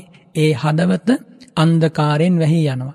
එතකොට යාට හොඳ නරක තේරෙන්නේ. ඒ නිසා ද්වේෂය ඇවිස්සිච්ච වෙලාවක සුවපත් වේවා කියලා හිතූ පමණින් නිදුක් වෙත්වා කියලා හිතූ පමණින් ද්වේෂය ප්‍රහාණය වෙන්නේ නැහැ. එන එන අරමුණේ ද්වේෂය ඇවිස්සෙන්න පුළුවන්. එනිසායි බුදුරජාණන් වහන්සේ දේශනා කරන්නේ ද්වේෂයෙන් නීවරණයක්, ද්වේෂයෙන් මනස වැහෙන්නට කලින් ද්වේෂය ඇති වෙන්නට තියෙන ඉඩ කඩයි වරුණ නැති කරන්න ඕන.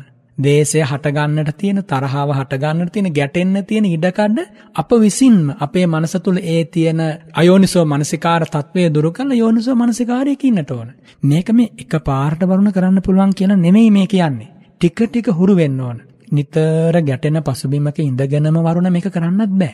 යම් පමණකට පුද්ගලයෙකුට හුදකලාවේ මේ හිත වඩන්න පුළුවන් පසුබිමක් ඒකාන්තයෙන් අවශ්‍යයි. මහාපුරුෂ විතරකවල තියෙනවනේ පවිවිත්තස්සායම් භික්කවේ ධම්මෝ නායන් ධම්මෝ සංගනිකාරාමස්ස කියලා. මහානනේ නිතර පිරිස් භජනය කරමින් පිරිස් සමග එකට ඇලුම් කරමින් ජීවත් වන කෙනෙකුට මේ දහම වැඩෙන්නේ නැහැ. දහම වැඩෙන්නේ නැහැ කියන්නේ කොමක්ද? එහෙනම් රාග දේශ මොහ වැඩෙනවා කියන එක. ඉතින් එනිසා ද්වේෂයෙන් ඈත් වෙලා හිතක් පවත්වන බලාපොරොත්තු වෙන ශ්‍රාවකයා හුදකලාවිත් මෛත්‍රිය වඩන්නට ඕන. පිරිසක් ඇසුරු කරද්දිත් මෛත්‍රියෙන් ඉන්න උත්සාහවත් වෙන්නට ඕන. එයා දක්ෂ වෙන්නට ඕන. මේ වචනය තවදුරටත් මම කතා කරගෙන ගියොත් මෙතන ගැටුමක් ඇති වෙනවා. මේ පුද්ගලයා මේ වෙලාවේ සම්මුඛ වුණොත් මෙතන ගැටුමක් ඇති වෙනවා. මේ පුද්ගලයාත් සමග මේ කතාව සාකච්ඡා කරන්න ගියොත් ගැටුමක් ඇති වෙනවා. ආදී වශයෙන් పూర్ව විනිශ්චයක් හිත පිළිබඳව තමන්ගේ චර්යා පද්ධතිය පිළිබඳව පුද්ගලයෙකුට තිබිය යුතුයි. ඒක භික්ෂුවකටත් තිබිය යුතුයි. ඒක ගිහියෙකුටත් තිබිය යුතුයි. ඒ ඔස්සේ තමයි වරුණ මනසක් අකුසලයෙන් මුදව ගන්න තියෙන්නේ. එහෙම නැත්නම් රාගයෙන් රත් වෙච්ච වෙලාවක කේසාලෝමානකා දන්තා කිව්වට හරියන්නේ නැහැ. වචන මාත්‍රයක් විතරයි. ද්වේෂයෙන් ඇවිලිච්ච වෙලාවක සුවපත් වෙත්වා සුවපත් වෙත්වා කියූ පමණින් හරියන්නේ නැහැ. එනිසා ඒක හරියනවා වරුණ හොඳට මනස වඩපු කෙනෙකුට. මෛත්‍රිය හොඳට ප්‍රගුණ කරපු කෙනෙකුට හදිස්සියේවත් ද්වේෂයක් ආවොත් අන්න ඒ වෙලාවට අර අරමුණ හිතට ගන්නකොටම එයාගේ ද්වේෂය නැති වෙන්න පුළුවන්. ඉතින් එනිසා හැම දෙනාම තේරුම් ගන්නට ඕන අපේ මනස දැන් මේ මේ වෙලාවේ වරුණ. මේ වෙලාවේ හොඳට හිත තියෙන වෙලාවක් නේ අහගෙන ඉන්න අයගේ. ද්වේෂයකට යන්නේ නැහැ 아무තු රාගයකට යන්නේ නැහැ එයත් පදයෙන් පදේ මේ කියන දේ ගන්න උත්සාහවත් වන මොහොතක්නේ. අන්න මේ මොහොත හිත හොඳ තැනක තියෙනවා. කුසලාරම්මණයක තදින් බලවත්ව පිහිටලා තියෙනවා. එනිසයි මා ඔබට සිහිපත් කරන්නේ මේ සාකච්ඡාව අවසන් වෙච්ච මොහොතේ එකපාරට ආසනෙන් නැගිටලා කලබල වෙලා හිත අවශ්‍ය ගන්නේ නැතිව ඔය ඉන්න විදිහටම තව පැයක් හමාරක් වාඩි වෙලා දැස පියාගෙන මේ ධර්මයේ පුරුදු කරන්න. එහෙමයි ස්වාමීන් වහන්සේ. වරුණ එහෙම නැත්තම් කවද්ද මේ දේ කරන්නේ? ඉතින් එනිසා ඒ හැම දෙනාටම බොහොම අනුකම්පාවෙන් සිහිපත් කරන්නේ මෛත්‍රී භාවනාව හිත තැන්පත් වෙලා නිදහසේ ද්වේෂයෙන් තොරව පවතින වෙලාවේ මෛත්‍රිය පුරුදු කරන්න. එතකොට හිතේ මෛත්‍රී ශක්තිය මෛත්‍රී බලය මතුවෙනවා. ඕනෑම තැනක නොගැටි නොපැටලී ඇවිස්සෙන්නේ නැතිව ඉන්න පුළුවන් හැකියාව ආශ්චර්යමත් ලෙස ඔබට ඇති වෙනවා. හොඳයි. ස්වාමීන් වහන්සේ දැන් යම් කෙනෙක් අපිට ඇතැම් වෙලාවට ඇතැම් දේශනවලදීත් අපි අහලා තිබෙන ස්වාමීන් වහන්සේ කාරණාවක් යම් දෙයකට හිත පුරුදු කරන්න නම් ඒ தත්වයට එරෙහි වන්නා වූ නැත්නම් ඒ தත්වයට ප්‍රතිවිරුද්ධ වන්නා වූ සමාජයක සිටයි සිදු කරන්න ඕන කියලා. මොකද ස්වාමීන් වහන්සේ ඒ දේශනවලදී අපට ඇහිලා තිබෙනවා. එහෙම නැතුව අපි හුදෙකලා වූ විට ඔබ වහන්සේ කිව්ව ආකාරයට නිස්කලංක වටපිටාවක එවැනි පරිසරයක භාවනා කරලා සමාජයට ආවිත ඔහු ඇතැම් වෙලාවට ඒ සමාජයේ තියෙන ක්‍රියාකාරීත්වයට අනුගත නොවි ඉන්නට බැරිකම නිසා සමහර විට ඔහුගේ අර මෙතෙක්කල් පුරුදු කරපු යම් ධානයක් තියෙනවනම් යම් හිත වැඩිමක් තිබෙනවනම් ඒ බිඳී යනවා කියන කාරණය. අනිත් පස්සෙන් ස්වාමීන් වහන්සේ අපි තවත් දේශනවල අහලා තිබෙනවා මේ බුදුරජාණන් වහන්සේගේ ධර්මයේ පහදා දෙන ස්වාමීන් වහන්සේලා ඇතැම් වෙලාවට කියන යම් යම් කාරණා තුලදී අපි ශ්‍රාවකයෝ අපිට යොමු කරලා තිබෙන ප්‍රශ්නවලක් තිබෙන දෙයක් තමයි හුදකලා වූ විට මනක්කල්පිත සිතුවිලි වලින් හිත පිරී යනවා. එහිදීත් භාවනා කරන්නට ප්‍රශ්න මතුවෙනවා අය කියන කාරණේ. මේ ප්‍රශ්න දෙකම ඔබ වහන්සේ හමුවට තබනවා අපට ධර්මානුකූලව යන ගමනේදී මේවා විසඳාගන්නේ කොහොමද ස්වාමීන් වහන්සේ? වරුණ මට එක දෙයක් පැහැදිලිව මේ වෙලාවේ ඔබට කියන්න පුළුවන්. ඔය කියපු අදහස් දෙකම යමෙක් දරනවා නම් ඔහු මොහොතක්වත් හුදකලාව නම් ඇසුරු කරලා නැහැ. මොහොතක් හෝ හුදකලා කුටියක එක රාත්‍රියක් තනියම ගත කරලා නැහැ. ඒ අත්තන්ගේ ඒ අදහස් කල්පිතයන් කියලා පැහැදිලිව කියන්න පුළුවන්. එහෙම නැතුව වරුණ හුදකලා සෙනසුනක සසල වෙලා තියෙන හිත නිසල කරගෙන හුස්ම රැල්ලේ හිත තබාගෙන රැයක් පහන් කරන කෙනෙකුගේ හදවතේ ඇතිවන ශාන්තිය අවාච්‍යයි. බුදුරජාණන් වහන්සේගේ ශ්‍රී මුඛදේශනාවෙන් පැහැදිලි කළොත් ඒතානි භික්කවේ රුක්ඛමූලානි ඒතානි ශුඤ්ඤාඝාරානි ජායත භික්කවේ මා පමාදත මා පච්චා විප්පටිසාරයන වහුවත්ත. මහනිනි රුක්මුල් හුදකලා සොඳුරු වනසෙනසුන් ඈත වනාන්තර මැද තියෙනවා. නුබලා එවට යන්න. විජනවාතානි මනුස්ස රහසේයකානි පටිසල්ලාන සාරුප්පානි. එකනි මිනිස්සුන්ගේ මිනිස් ගඳක් නැති ප්‍රදේශ තියෙන මිනිසුන්ගේ පහසක් පා පහසක් නොලැබූ සෙනසුන් තියෙනවා. ආන්නේවට යන්න ඇයි හෙනම් බුදුරජාණන් සේම දේශනා කරන්නේ. ඒ වගේ තැනට ගිහිලා මේ ධර්මයේ කොටසක් පුරුදු කළ යුතුයි වරුණ. හැබැයි හැමකල්හි වනවැදිලා හැමකල්හි සැඟවිලා ඉන්න කියන එක නෙමෙයි කියන්නේ. ඒ විදිහට හිත පුරුදු කරලා ඒ විදිහට හිත හදාගත්තට පස්සේ පුළුවන් ඕනම තැනකට ගිහිල්ලා ඒ ශ්‍රාවකයාට ඕනම තත්වයක් යටතේ තම හිත වෙනස් නොවී පවත්වන්න. හැබැයි මෙන්න මෙහෙම දෙයක් වරුණ තියෙනවා. කොහොම දෙයක්ද? දැන් කාලයක් තිස්සේ හුදකලාවේ භාවනා කරපු අපි හිතමුකෝ ස්වාමින් වහන්සේ නමක් කියලා. ඒ ස්වාමින් වහන්සේ කාලයක් තිස්සේ හුදකලාවේ භාවනා කරලා ඇතැම් විට ධානත් උපදවලා තියෙනවා වෙන්න පුළුවන්. හැබැයි මග ඵල ලැබලා නැත්නම් වරුණ. යටත් පිරිසයින් සෝතාපන්නවත් වෙලා නැත්නම් ඇතැම් විට පිරිස් භජනය කරන්න සංඝනිකා රාමතාවට වැටුනොත් ආන් එතෙන්දී අර ධාන පවා පිරිහෙන්න පුළුවන්. එහෙම එකක් වෙන හැබැයි මග ඵලලාභී උතුමෙකුගේ කවදාකවත් ඒ පරිහානි ඇති වෙන්නේ නැහැ. හැබැයි තථාගතයන් වහන්සේ වදාරනවා මග ඵලලාභී උතුමන් වහන්සේ කෙනෙකුට වුණත් නිතර නිතර පිරිස් භජනය කිරීම යම් පලිබෝධයක් කියලා. ඒක එහෙමම දේශනා කරනවා. හැබැයි වරුණ මේ දහමෙන් හිත හදාගත්ත කෙනෙකුට ඕනම තත්වයක් යටතේ ඒ හදාගත්ත හිත වැටෙන නොදී තබන්න පුළුවන්. වරුණ එහෙම නැත්නම් මේ ධර්ම මාර්ගයෙන් ඇති වැඩක් නැහැනේ. හිත හදාගන්නවා හුදකලාවෙන් ගිහිල්ලා පිරිසක් ඉදිරියට ආවට පස්සේ රාගය ඇති වෙනවා නම් ද්වේෂය ඇති වෙනවා. එහෙම නෙමෙයි බරුණ. ඔය හැම කතාවක්ම මතුවෙන්නේ හුදකලාවේ කළ යුතු පුහුණුව සම්පූර්ණ නොකිරීම තුළ.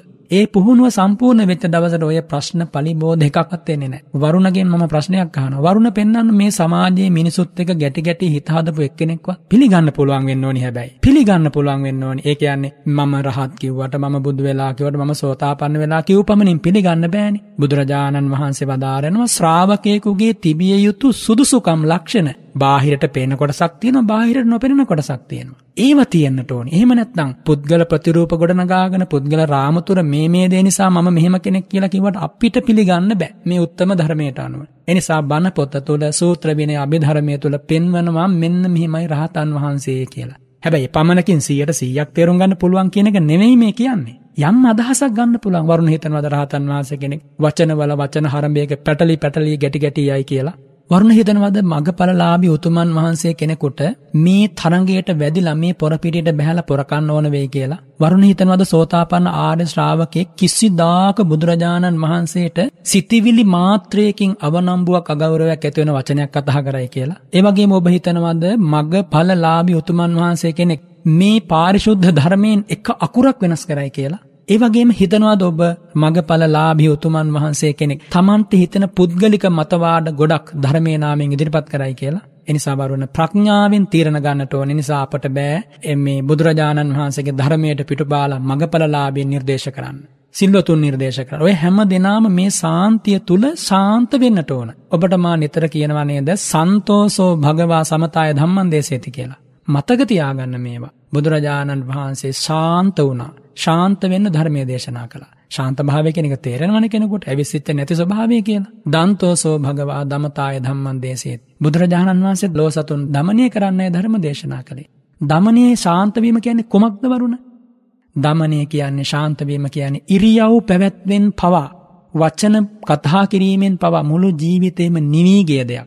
උණු වතුර නටන හැටි ඔබ දැකලා තියෙනවද වරුණ? ඇල් වතුරේ තියෙන සීතල ඔබ දන්නවනේ. මේ දෙකේ වෙනස ගැන ඕන කෙනෙකුට තේරෙනවනේ. යමෙක් වරුණ නටන ජලයක් වගේ ඇවිසිලා වැඩ කරනවා නම් ඔබ හිතනවද එයාට මේ දහම වැඩලා තියෙනවා කියලා? යම් කිසි කෙනෙක් සිසිල් වෙලා කිසිම තැනක ගැටෙන්නේ නැහැ, පැටලෙන්නේ නැහැ. අවශ්‍ය තැන කතා කරනවා. හැබැයි කතා කරොත් ධර්මයක්. කිසි කෙනෙකු අමාරුවේ දාන්නේ අසත්‍ය ප්‍රකාශයන් පුද්ගලික මතවාද ඇදබාන්නේ නැහැ. ඒ ජීවිතය තුළ මේ තථාගත ධර්මය මූර්තිමත් වෙලා තියෙනවා ආන්‍ය සිසිල් දියබඳුනක් වගේ හදවත. ඉතින් එනිසා වරුණ ඒ වගේ ප්‍රකාශයක් කාටවත් කරන්න බෑ එහෙම කරනවා නම් ධර්ම විරෝධී විනය විරෝධී ශ්‍රාවකයත්ව තේරුම් ගන්නට ඕන බුදුරජාණන් වහන්සේගේ දහම තුලින් දිනෙන් දින ඔබේ හදවත සිසිල් වේ යුතුයි. ඔබ වාද විවාද වලට පැටලෙනවා නම් වරුණ ඊළඟ ප්‍රශ්නය තමයි මේ වගේ කාලයක විවිධාකාර විදිහට මේ ධර්මය තෝරනවා.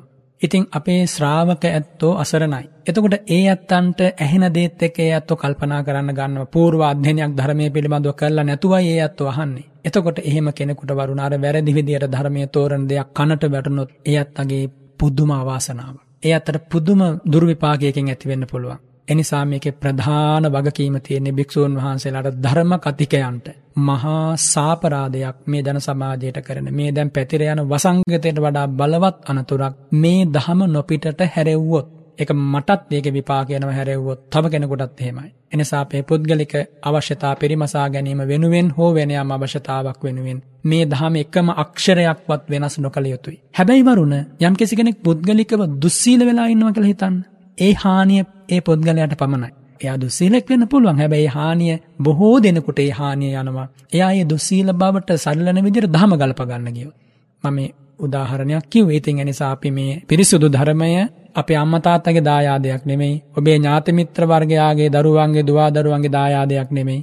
වෙන කිසිම ජාතියක දායාදයක් නෙමෙයි. බුදුරජාණන් වහන්සේගේ මහරහතන් වහන්සේලගේ දායාදයක්. එනිසා ඒ ගෞරවය හිතේ තියාගෙන දහමි හැසිරෙන්න මේ කියන ආකාරයෙන් පිළිපදින්න ඔබට කිසිදාක වරදින්නේ නෑ.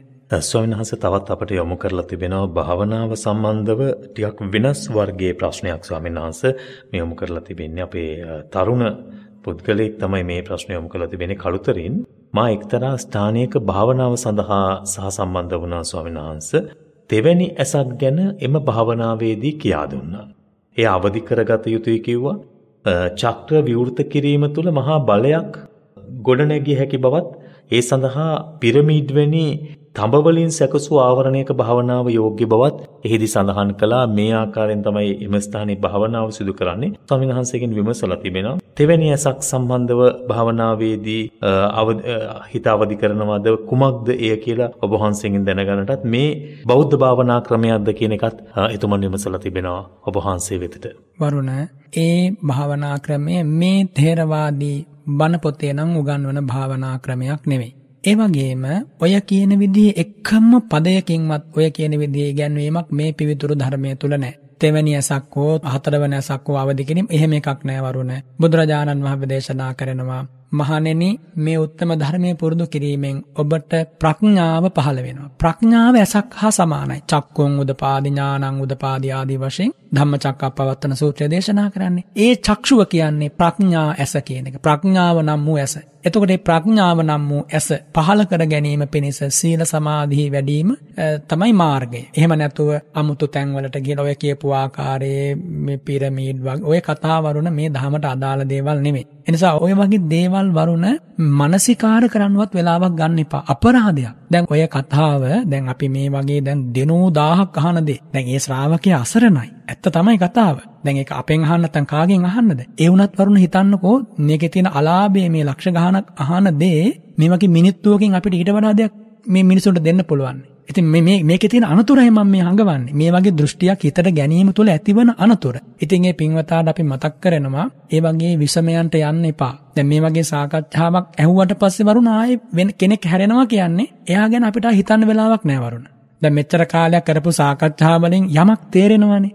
මේ අහගෙන ඉන්න ඇත්තන්ට තේරෙනවානේ මෙතන පැටලිල්ලක් නැහැ. මුසාවක් නැහැ. කියන දේ බුද්ධ වචනෙන් තාහුරු කරලා පෙන්වනවා. මගෙන් තවදුරටත් ඇහුවොත් කොතනද තියෙන්නේ කියලා මට පැහැදිලිව පෙළ අටුවාව ටීකාවත් එක කියන්න පුළුවන්. ඒ කියන්නේ මේක මගේ දෙයක් නෙමෙයි භාග්‍යවතුන් වහන්සේගේ දායාදේ. ඉතින් මෙහෙමත් තෝරා පහදා දෙද්දී අපි අවශ්‍ය වෙන්නේ නැහැ වරුණ. ඒ වගේ ලාමක දේවල් මේ වගේ තැනක අපි සාකච්ඡා කරන්න. ඉතින් එනිසා ඒ වගේ භාවනා ක්‍රමයක් මේ ශාසනය ඇත්තෙත් නැහැ. ඒක මිත්‍යාවක්. එහෙම මිත්‍යාවකට ඔබ අසු වෙන්නත් එපා. ඔබේ සගයන්ට අසු වෙන්න දෙන්නත් එපා. ඒ වගේ තැන් වලින් බොහොම උපක්‍රමශීලීව බේරෙන්න එහෙම ක්‍රමවේදයක් බුදුසිරි මුව මඩලින් නම් දේශනා කරලා නැහැ. හොඳයි. ස්වයංස තවත් අපට යොමු කරපු ගැටලුවක්මයි ශ්‍රද්ධහා ඉන්ද්‍රිය ලෞකික පින මෝරා වැඩෙන තැනින් එපිට ධර්මාවබෝධය දක්වා හසුරුවන්නේ කොහොමද කියලා මවක් අපේ කුසුමලතා කියලා මහත්මියක් අපි විමසා තිබෙනවා ස්වාමීන් වහන්සේ. වරුණ සද්ධා ඉන්ද්‍රිය යම් තැනක වැඩුවනම් ධර්මාවබෝධය කරා ඒ ශ්‍රාවකයා ඒකාන්තයෙන් යනවා. ශ්‍රද්ධාව නම් වූ ඉන්ද්‍රිය වැඩෙනකොට යා ලෞකික වශයෙන්ුත් ලෝකෝත්තර වශයෙන්ුත් සියලු අධිගමයන් ලබන්නට සුදුසු කෙනෙක් වෙනවා.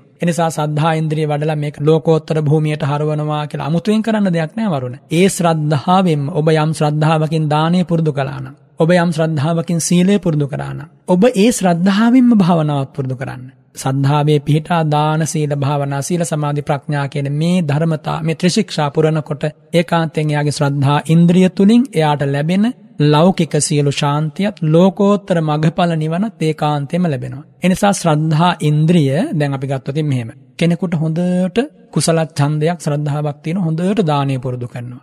එතකොට එයා දානය පුරුදු කරන හැබැයි සීලය ගැන එච්චර සැලකිලිමත් වෙන්නේ නැහැ. එහෙම නොවි දානය පුරුදු කරන යම් කුසල ඡන්දයක් නම් තියෙන්නේ. ඊට දෙවනි නොවන කුසල ඡන්දයක් සීලය වෙනුවෙන් තබා ගන්නවා. කෙනෙක් ඉන්නවා දානයත් හොඳට පුරුදු කරනවා සීලයත් පුරුදු කරනවා හැබැයි එතනින් එහාට ගිහිල්ලා සමාධිය පිණිස උත්සාහයක් ගන්නෙ නැහැ. අර දානයයි සීලයයි සමාධියට උපකාරක ධර්ම. උපකාරක ධර්ම වුණාට ඒ උපකාරක ධර්ම වලින් සහයෝගය ගැන සිතක් සමාධිමත් කරන පුහුණුවේ යෙදෙන්නේ නැහැ. යෙදෙන්නේ නැතුනොට එයාට සමාධියක් ඇතිවන්නේ නැහැ. ඉතින් එනිසා අන්න එතනින් අතර වුණොත් එයාගේ ශ්‍රද්ධාවෙන් එතනින් එහාට එයාට යන්න බැරි වෙනවා. එනිසා දානයයි සීලය ඉන් අනතුරුව කළ යුතු සමත විදර්ශනා භාවනාවේ ශක්ති පමණින් කරනකොට එයාගේ ශ්‍රද්ධා ඉන්ද්‍රිය ලෞකික භූමිය තුලත් ලෝකෝත්තර භූමිය තුලත් බොහෝම බලවත්ව ක්‍රියාත්මක වෙනවා. එනිසා සද්ධාව නම් වූ ඒ කුසල ශක්තිය හිතක වැඩුවොතින් එයාට ලෞකික භූමියෙන් ලෝකෝත්තර භූමියට ප්‍රවේශ වෙන ඒ නිර්වාණය නම් වූ ස්වර්ණ ద్వාරයේ මඟඵල ප්‍රත්‍යක්ෂ වීම වශයෙන් විවර වෙනවා. එනිසා ඒ පින්වත් මහත්මිය ඔය තියෙන ශ්‍රද්ධාව පිරිහෙන්නට නොදී ඒ ගැන අමුතුවෙන් කල්පනා කරන්න ඕනේ. ඔය තියෙන ශ්‍රද්ධාවෙන් දාන සීල භාවනා සීල සමාධි ප්‍රඥා පුරුදු කරන්න. එහෙමයි සංස. තව ප්‍රශ්නයක් ස්වාමීන් වහන්සේ සම්මා දිට්ඨියේදී කම්මස්ස කතා සම්මා දිට්ඨිය, ධාන සම්මා දිට්ඨිය, චතුසත්‍ය සම්මා දිට්ඨිය, මගඵල සම්මා දිට්ඨිය මේ කියන සම්මා දිට්ඨි පිළිබඳව පැහැදිලි කිරීමක් සිදු කර දෙන්න කියලා අපේ ඒත් මෞතුමියක්ම තමයි යොමු කරලා තිබෙන ස්වාමීන් වහන්සේ. ඔව් වරුණ සම්මා දිට්ඨිය කියන්නේ ප්‍රඥාවට නමක්. කම්මසගත සම්මා දිට්ඨිය කියන්නේ කර්මය ඵලය විශ්වාස කර ගැනීමේ ඥානය. එතනනේ ආරම්භය. එතර කම්මසගත සම්මා දිට්ඨියෙන් පටන් ගන්න අය ශ්‍රාවකයාට කර්මයේ ඵලය ඇදහිීම තුල යා පිනට දහමට කුසලයට යොමු වෙනවා. යොමු වීම තුල බුදුරජාණන් වහන්සේගේ ධර්මයක් නිතර නිතර ශ්‍රවණය කරමින් කටයුතු කරනකොට යාට චතුරාර්ය සත්‍ය ඇහෙනවා. ආන්නේ චතුරාර්ය සත්‍ය ඇහෙනකොට එයාට චතුරාර්ය සත්‍ය නුවණින් විමසද්දී එයාට ඥාන දර්ශනය පහළ වෙනවා. මේ චතුරාර්ය සත්‍ය පරම සත්‍යයක්මයි. බුදුරජාණන් වහන්සේ අවබෝධ කළේ ඒකාන්ත සත්‍යයක්මයි. ආන්නෙම විශ්වාසයක් ඇති වෙලා ඒ චතුරාර්ය සත්‍ය ඇසීම් වශයෙන් නැවත මෙනෙහි කිරීම වශයෙන් භාවනාවට නැංවීම වශයෙන් සම්මා දිට්ඨිය බලවත් වෙනවා. ආන්නේ සම්මා දිට්ඨියට කියන්න පුළුවන් චතුසත්‍ය සම්මා දිට්ඨිය කියලා. එවගේම වරුණ මාර්ග ඵල සිත්වල පහළවන ප්‍රඥාවට කියනවා මාර්ග සම්මාදිට්ඨිය ඵල සම්මාදිට්ඨිය කියලා. එතකොට මාර්ග ඵල සිත්වල පහළවන ප්‍රඥාවට තමයි ලෝකෝත්තර සම්මාදිට්ඨිය කියලා කියන්නේ. එතනින් මෙහා සිත්වල පහළවන ප්‍රඥාවට කියන්න පුළුවන් ලෞකික සම්මාදිට්ඨිය කියලා. ඉතින් එනිසා සම්මාදිට්ඨිය කියන්නේ ප්‍රඥාවට නමක්. ඒ ප්‍රඥාවේ ප්‍රභේද තමයි ওই විදිහට බුදුරජාණන් වහන්සේ දේශනා කොට වදාළේ. ධානලාභියෙකු නිවනට ලං වූ කෙනෙක්ද ස්වාමීන් වහන්සේ ධානලාභියෙකු වෙන්න ධර්ම මාර්ගයේ හැසිරීමෙන්ද නැතිනම් වෙනත් මගක් ඒ සඳහා තිබෙනවාද කියලා තවත් අපේ ඇරව්වල සිට යොමු කරලා තිබෙන ප්‍රශ්නයක සඳහන් වෙලා තිබෙනවා ස්වාමීන් වහන්සේ. ජායත භික්කවේ මහ පමාදත බුදුරජාණන් වහන්සේගේ වචනයක් නේ මහණෙනි ධාන වඩව ප්‍රමාද නොවේ වූ කියලා. ධාන කියන්නේ වරුණ කාමාවචර භූමියෙන් එහා පැත්තේ තියෙන රූපාවචර අරූපාවචර චිත්තෝත්පාදයන්ට නමක් තමයි ධානය කියලා කියන්නේ. එතකොට මේ ධාන ලබන්න පුළුවන් බුදුරජාණන් වහන්සේගේ ශ්‍රාවකයන්ටත් පුළුවන් බුදුරජාණන් වහන්සේගේ ශ්‍රාවකයන් නොවන ලෞකික සම්මාදිට්ඨියේ පිහිටපු ඔය තාපසවරු වගේ ඒ කාලේ හිටපු කර්මයේ ඵලයේ පිළිගන්න ඒ ඒ අයටත් ලබන්න පුළුවන්. එතකොට මේ ධාන ලැබීම බුදුරජාණන් වහන්සේගේ ශ්‍රාවකයන් එක්තරා මට්ටමකින් නිවනට කිට්ටු වීමක්. හැබැයි බුදුරජාණන් වහන්සේගේ ශ්‍රාවකයන් නොවන අය ධ්‍යාන ලැබීම නිවනට කිට්ටුවීමක් කියලා ඒකාන්තයෙන් කියන්න බෑ. හේතුව තමයි වරුණ සීල සමාධි ප්‍රඥා කියන්නේ ත්‍රිශික්ෂානේ. එතකොට සීල සමාධි ප්‍රඥා කියන මාර්ගයේ සමාධියට තමයි ওই ධ්‍යාන කියනේම අයිති වෙන්නේ. සමාධි කියන කොටස තමයි ධ්‍යාන කියන ඒ ධර්මතා එහෙම නැත්නම් ඒ චිත්තෝත්පාද අයිති වෙන්නේ. එතකොට මේ ධ්‍යානයකින් කෙරෙන කෘත්‍ය කුමක්ද? සිත එකම අරමුණක බොහෝ වෙලාවක් තැබීමේ හැකියාව දිනු කිරීම. ආන්නේ ධ්‍යාන වලින් සිත බොහෝ වෙලාවක් එක්ක අරමුණක තබා පුහුණු කරපු ශ්‍රාවකයාට ඊළඟට කළ මනා දෙයක් තියෙනවා. කුමක්ද? ඒ නිහඬ වූ, නිසල වූ නානා ආරම්මණයන්ගේ විසිර නොයන සිත තුල ප්‍රඥාව පහළ වීම පිණිස විදර්ශනා කරන්නට ඕන. ආන්නේ විදර්ශනා කිරීම තුළින් එයාට ඊළඟට පහළ වෙනවා ප්‍රඥාව.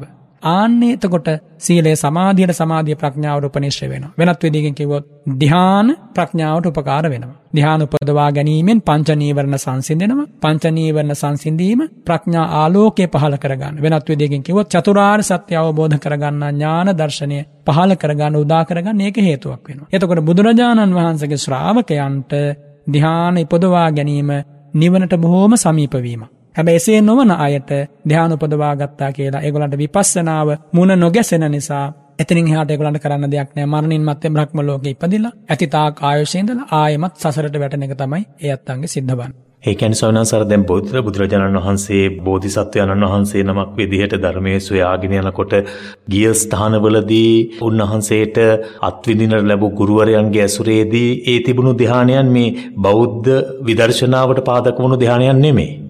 වරුණ බෞද්ධ විදර්ශනාවට ඒ ධ්‍යාන පාදක කරගන්න පුළුවන් බුදුරජාණන් වහන්සේගෙන් හෝ මහරහතන් වහන්සේ කෙනෙක්ගෙන් හෝ මේ ධර්මය ඇහුවොත්. එහෙම නැත්නම් ඒ විදර්ශනාව කියන කොටස තමයි ඒ අත්තන්ට හසු නොවන්නේ. දැන් කාලදේවල තාපසතුමා කියන්නේ මොනතරම් බලවත් කෙනෙක්ද? ඊළඟට ආලාර කාලා මුද්දක රාමපුත්ත කියන්නේ මහා බලවත් සමාධින් තිබ්බ උතුමෝ. හැබැයි අර භාග්‍යතුන් වහන්සේ අවසානයේ ධම් සංවේගය උපදවා ගන්නේ අනේ මේ ආලාර කාලාම උද්දක රාමපුත්ත මේ ධර්මය ඇහුවනම් වහාම අවබෝධ කරගන්නවා කියලා. ඒගොල්ලන්ට තිබ්බ සමාධිය උපකාර වෙනවා මේ ධහම තේරුම් ගන්නවරුන. සමාධිය කියන්නේ කොමක්ද මම නැවත නැවත ඔබට කියලා දුන්නේ කාමච්ඡන්ද ව්‍යාපාද දීන මිද්ද උද්ධච්ච කුක්කුච විචිකිච්ඡා කියන මෙන්න මේ නීවරණ ධර්මයන් ප්‍රහාණය කරපු තදංග වශයෙන් යටපත් කරපු සිතට විස්කම්බන වශයෙන් යටපත් කරපු සිතට කියන්න පුළුවන් ධ්‍යාන සිතක් කියලා. හැබැයි සමුච්ඡේද වශයෙන් ප්‍රහාණය වෙලා නැහැ. ඒ නිසා කවදා හරි දවසක මේවා මතුවෙලා ආයෙ මනසක් අවුල් වෙන්න පුළුවන්. මම ඔබට නිතර කියන උපමාවක් තමයි කැළතී ගිය දිය භාජනයක පතුල බලන්න බෑ. හැබැයි මේ දිය භාජනය නොකැළතිච්ච වෙලාවේ පතුල බලා ගන්න පුළුවන්. හරියට මේ දිය භාජනය නොකැලති තියෙන වෙලාවක් වගේ හිතේ සමාධිය කියලා කියන්නේ. සමාධිමත් සිතක් කියන්නේ. එතකොට යාට කැමති නම් පතුල දිහා බලලා තියෙන්නේ මොනවද කියලා හොඳ වග විභාගයකට විනිශ්චයකට එන්න පුළුවන්. අන්න ඒ වගේ නීවරණ පහ වගේ සිතකින් පුළුවන් සංස්කාර ධර්මයෝ අනිත්‍ය දුක්ඛ අනාත්ම වශයෙන් විමසන්න. ආන්න එක විමසන්න බෑ බුදුරජාණන් වහන්සේගේ ධර්මය නාසපු කෙනෙකුට නොඇසූ කෙනෙකුට. එනිසා පරතෝ ගෝස ප්‍රත්‍ය කියන මේ උපකාරය ඇතිවමයි විදර්ශනා වඩන්න පුළුවන්. සමතේ වඩන්න පුළුවන් එසේ නොවේ කාගෙන් හරි ගුරුවරයෙක්ගෙන් අහලා වඩන්න පුළුවන්. ඒ කියන්නේ මේ ආර්ය වූ ශාසනය තුල වඩන සමතේ ගැන නෙමෙයි මම මේ කියන්නේ. පරිබාහිර වඩන සමතය ගැන. ඉතින් එනිසා ඒ විදිහට ඒ කාරණය තේරුම් ගන්න, තේරුම් අරගෙන සමතයෙන් පරිභාවිත සිත තමයි විදර්ශනාවට සුදුසු වන්නේ. විදර්ශනාවට සුදුසු වෙලා විදර්ශනාව කලේ නැත්නම් එහෙනම් එතනත් යම් ලොකු අඩුවක් ඒ ශ්‍රාවකයට ඇති වෙනවා. ඒ කියන්නේ සෝනස එතකොට දැන් විදර්ශනාව නොකළා නම් විදර්ශනාවට යොමු නොවුනා නම් ඒ වැඩූ සමතයෙන් පළක් නැතිද ස්වාමීන් වහන්සේ? වැඩූ සමතය ටික කලකින් තමන්ගේ හිතේ නැති වෙලා යනවාද? නැති වෙලා යන්නත් පුළුවන් මරණාසන්න මොහොත දක්වාම ධ්‍යාන වලින් නොපිරිහි තබා ගන්නත් පුළුවන්. ධ්‍යාන වලින් නොපිරිහි ඒ සමතේ යමෙක් තබා ගත්තොත් මරණාසන්න මොහොත දක්වා එයා මරණින් මත්තේ සුදුසු පරිදි බ්‍රහ්ම ලෝකේ උපදිනවා. ඒක තමයි යාට ලැබෙන ආනිසංසය. සමතය පාදක කරගෙන විදර්ශනා වැඩුවොත් මග පහළලාභීව අමා නිවනින් සැනසෙන්න පුළුවන්. සයනස් එතකොට මෛත්‍රී භාවනාව වගේ භාවනාවක් තුල අපේ කොහොමද විදර්ශනාවට යොමු වීමට ඒ සඳහා අවකාශයක් තිබෙනවාද මෛත්‍රී භාවනාව ඇසුරේම?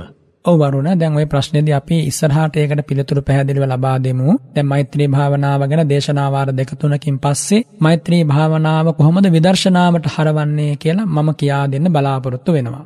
හොඳයි. මම හිතන අපේ ශ්‍රාවකයන්ට බොහොම හොඳින් මේ ධර්මදේශනා මාලාව ශ්‍රවණය කළොත් ඔවුන්ගේ ජීවිතයේ තිබෙන අඩුවක් තමන්ගේ ජීවිතේ නිවැරදි ලෙස හසුරුවා ගන්නට හැකියාවක් ලැබේවි. මොකද සමහරු මෛත්‍රී භාවනාව සිදු කරනවා. හැබැයි අවසානයේදී ඔවුන් සිදු කරපු දෙයක් නැති වගේ සිහිපත් කරන නිසා භාවනාව වුවත් හරියට සිදු කරන්නට හරි මාර්ගය ඔබ අවබෝධ කරගත යුතුයි. හරි මාර්ගය ඔබ හඳුනාගත යුතුයි. ඒ සඳහා තමයි අපේ ඉරිදා සිටනේ තසුපුයේ ගෞරව දේශකයන්න් වහන්සේ බලංගොඩ රාද ස්වාමීන් වහන්සේ ඒ සඳහා ඔබ යොමු කරවන්නට බලාපොරොත්තු වෙමින් මේ දේශන මාලාව තුළ මෛත්‍රී භාවනාව පිළිබඳව ඔබට පැහැදිලි කර දෙන්නට අනුශාසනා සිදු කරන්නට බලාපොරොත්තු වෙන්නේ. මේ භාවනාව සම්බන්ධව නොවන ගැටලුවක් ස්වාමීන් වහන්සේ නමුත් දුකටපත් වූ මවක් කියලා සඳහන් කරලා තිබෙන නිසා මම ඔබ වහන්සේගෙන් මේ පිළිබඳව පිළිතුරක් අපේක්ෂා කරනවා මාතලේ සිට අපට යොමු කරලා තිබෙන්නේ. ස්වාමීන් වහන්සේ මගේ පුතා හදිසි අනතුරකින් මිය ගියා. ධර්මයට ලැබිවයි ඒ දරුවා කටයුතු කළේ. සිල් සමාදන් වුණා හැම පොහොයකටම මේ හදිසි අනතුර සිදු වෙලා මාසයක් පමණ සිහිසුන්ව ඉඳ තමයි ඔහු මිය ගියේ කියලා සඳහන් කරලා තිබෙනවා ස්වාමීන් වහන්සේ. සිහිසුන් කෙනෙකුගේ මරණය කෙසේද කියලා එතුමිය විමසලා තිබෙනවා. එවන් අයෙකුගේ ප්‍රතිසන්දිය කෙසේ වෙන්න පුළුවන්ද කියලා තමයි එතුමිය ඔබ වහන්සේ වෙතට යොමු කරලා තිබෙන පැනේ සඳහන් වෙලා තිබෙන්නේ. සිහිසුන් වීම සාමාන්‍ය සමාජයේ අර්ථවත් කරන්නේ සිතක්වත් පහළ නොවන අවස්ථාවක් හැටියටනේ. නමුත් බුදුරජාණන් වහන්සේගේ මේ උත්තම ධර්මය තුල ඇසෙන් කනෙන් නාසයෙන් දිවෙන් ඇතැම් විට කයින් කියන මේ පංචේන්ද්‍ර ඉන්ද්‍රයන්ගෙන් අරමුණු නොගෙන එහෙත් හුදු මනෝද්වාරයෙන්ම පමණක් අරමුණුගෙන සිත් පහළ වෙන්නට පුළුවන්. එනිසා ඇසෙන් රූප බලා රූප සංඥා ඔස්සේ සිත් පහළ වීම නැත්නම් චක්ෂුද්්වාරික චිත්තයන් පහළ නොවුනට සෝතද්්වාරික ගානද්්වාරික ජීවහාද්්වාරික කායද්්වාරික චිත්තයන් පහළ නොවුනට යාට මනෝද්්වාරික සිත් පහළ වෙනවා. එතොර මාසයක් පුරායා සිහිසුන්ව හිටිය කිව්වහම එයාගේ මනෝද්්වාරය වැඩ කරනවා වරුණ.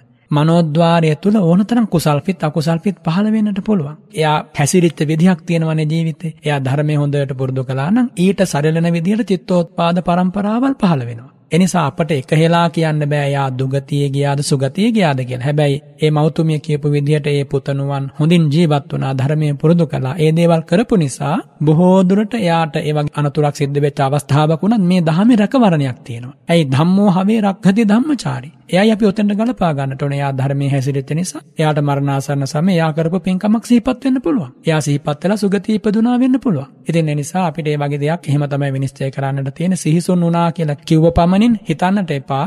මේ කිසිම සිතක් පහළ වෙන්නේ නැහැ කියලා. සිතක් පහළ නොවන අවස්ථාව තමයි එක්ක නිරෝධ සමාපත්තිය. එහෙම නැත්නම් පිරිනිවන් වැදීම. ඒ දෙකෙන් එකක්වත් නෙමෙයිනේ ඔය. ඉතින් ඒ නිසා සිත පහළ වෙනවා අනිවාර්යෙන් කුසල්පිත අකුසල්පිත විපාකපිත මනස ඇසුර කරගෙන පහළ වෙනවාම තමයි. එහෙමයි. ඒ කියන්නේ අපිට බාහිරට පේන්නට ඇතුණාට Tamanගේ සිත තුළ එහෙම ප්‍රතිසන්දියට හේතු සාධක විය හැකි සිතුවිලි පහළ වෙනවා. අනිවාර්යයෙන්ම ප්‍රතිසන්දියට අවශ්‍ය කරන ඒ අරමුණු ගැනීම, කර්ම නිමිති, ගති නිමිති ඒවා අරගෙන සිත් පහළ වෙනවා. කිසිම ප්‍රශ්නයක් නැහැ. ඒ දේ සිද්ධ වෙනවා මනෝද්වාරය සුරු කරගෙන. ඒ කියන්නේ දැන් අපි හිතමුකෝ දැන් වරුණ කවුරු හරි පුද්ගලයෙක් තත්පර ගානකින් මැරෙනවා කියලා. තත්පර ගානකින් අපි හිතමුකෝ තත්පර ගානකින් ජීවිතයෙන් අයින් වෙනවා. ඒ වුණත් වරුණ ඒ නිමේෂය ඇති යාට එයාගේ ජීවිතේ කරපු කුසල කුසල කර්මයක් මෙනෙහි වෙලා ඊට සරිලන විදිහට ප්‍රතිසන්දිය සකස් වෙන්න.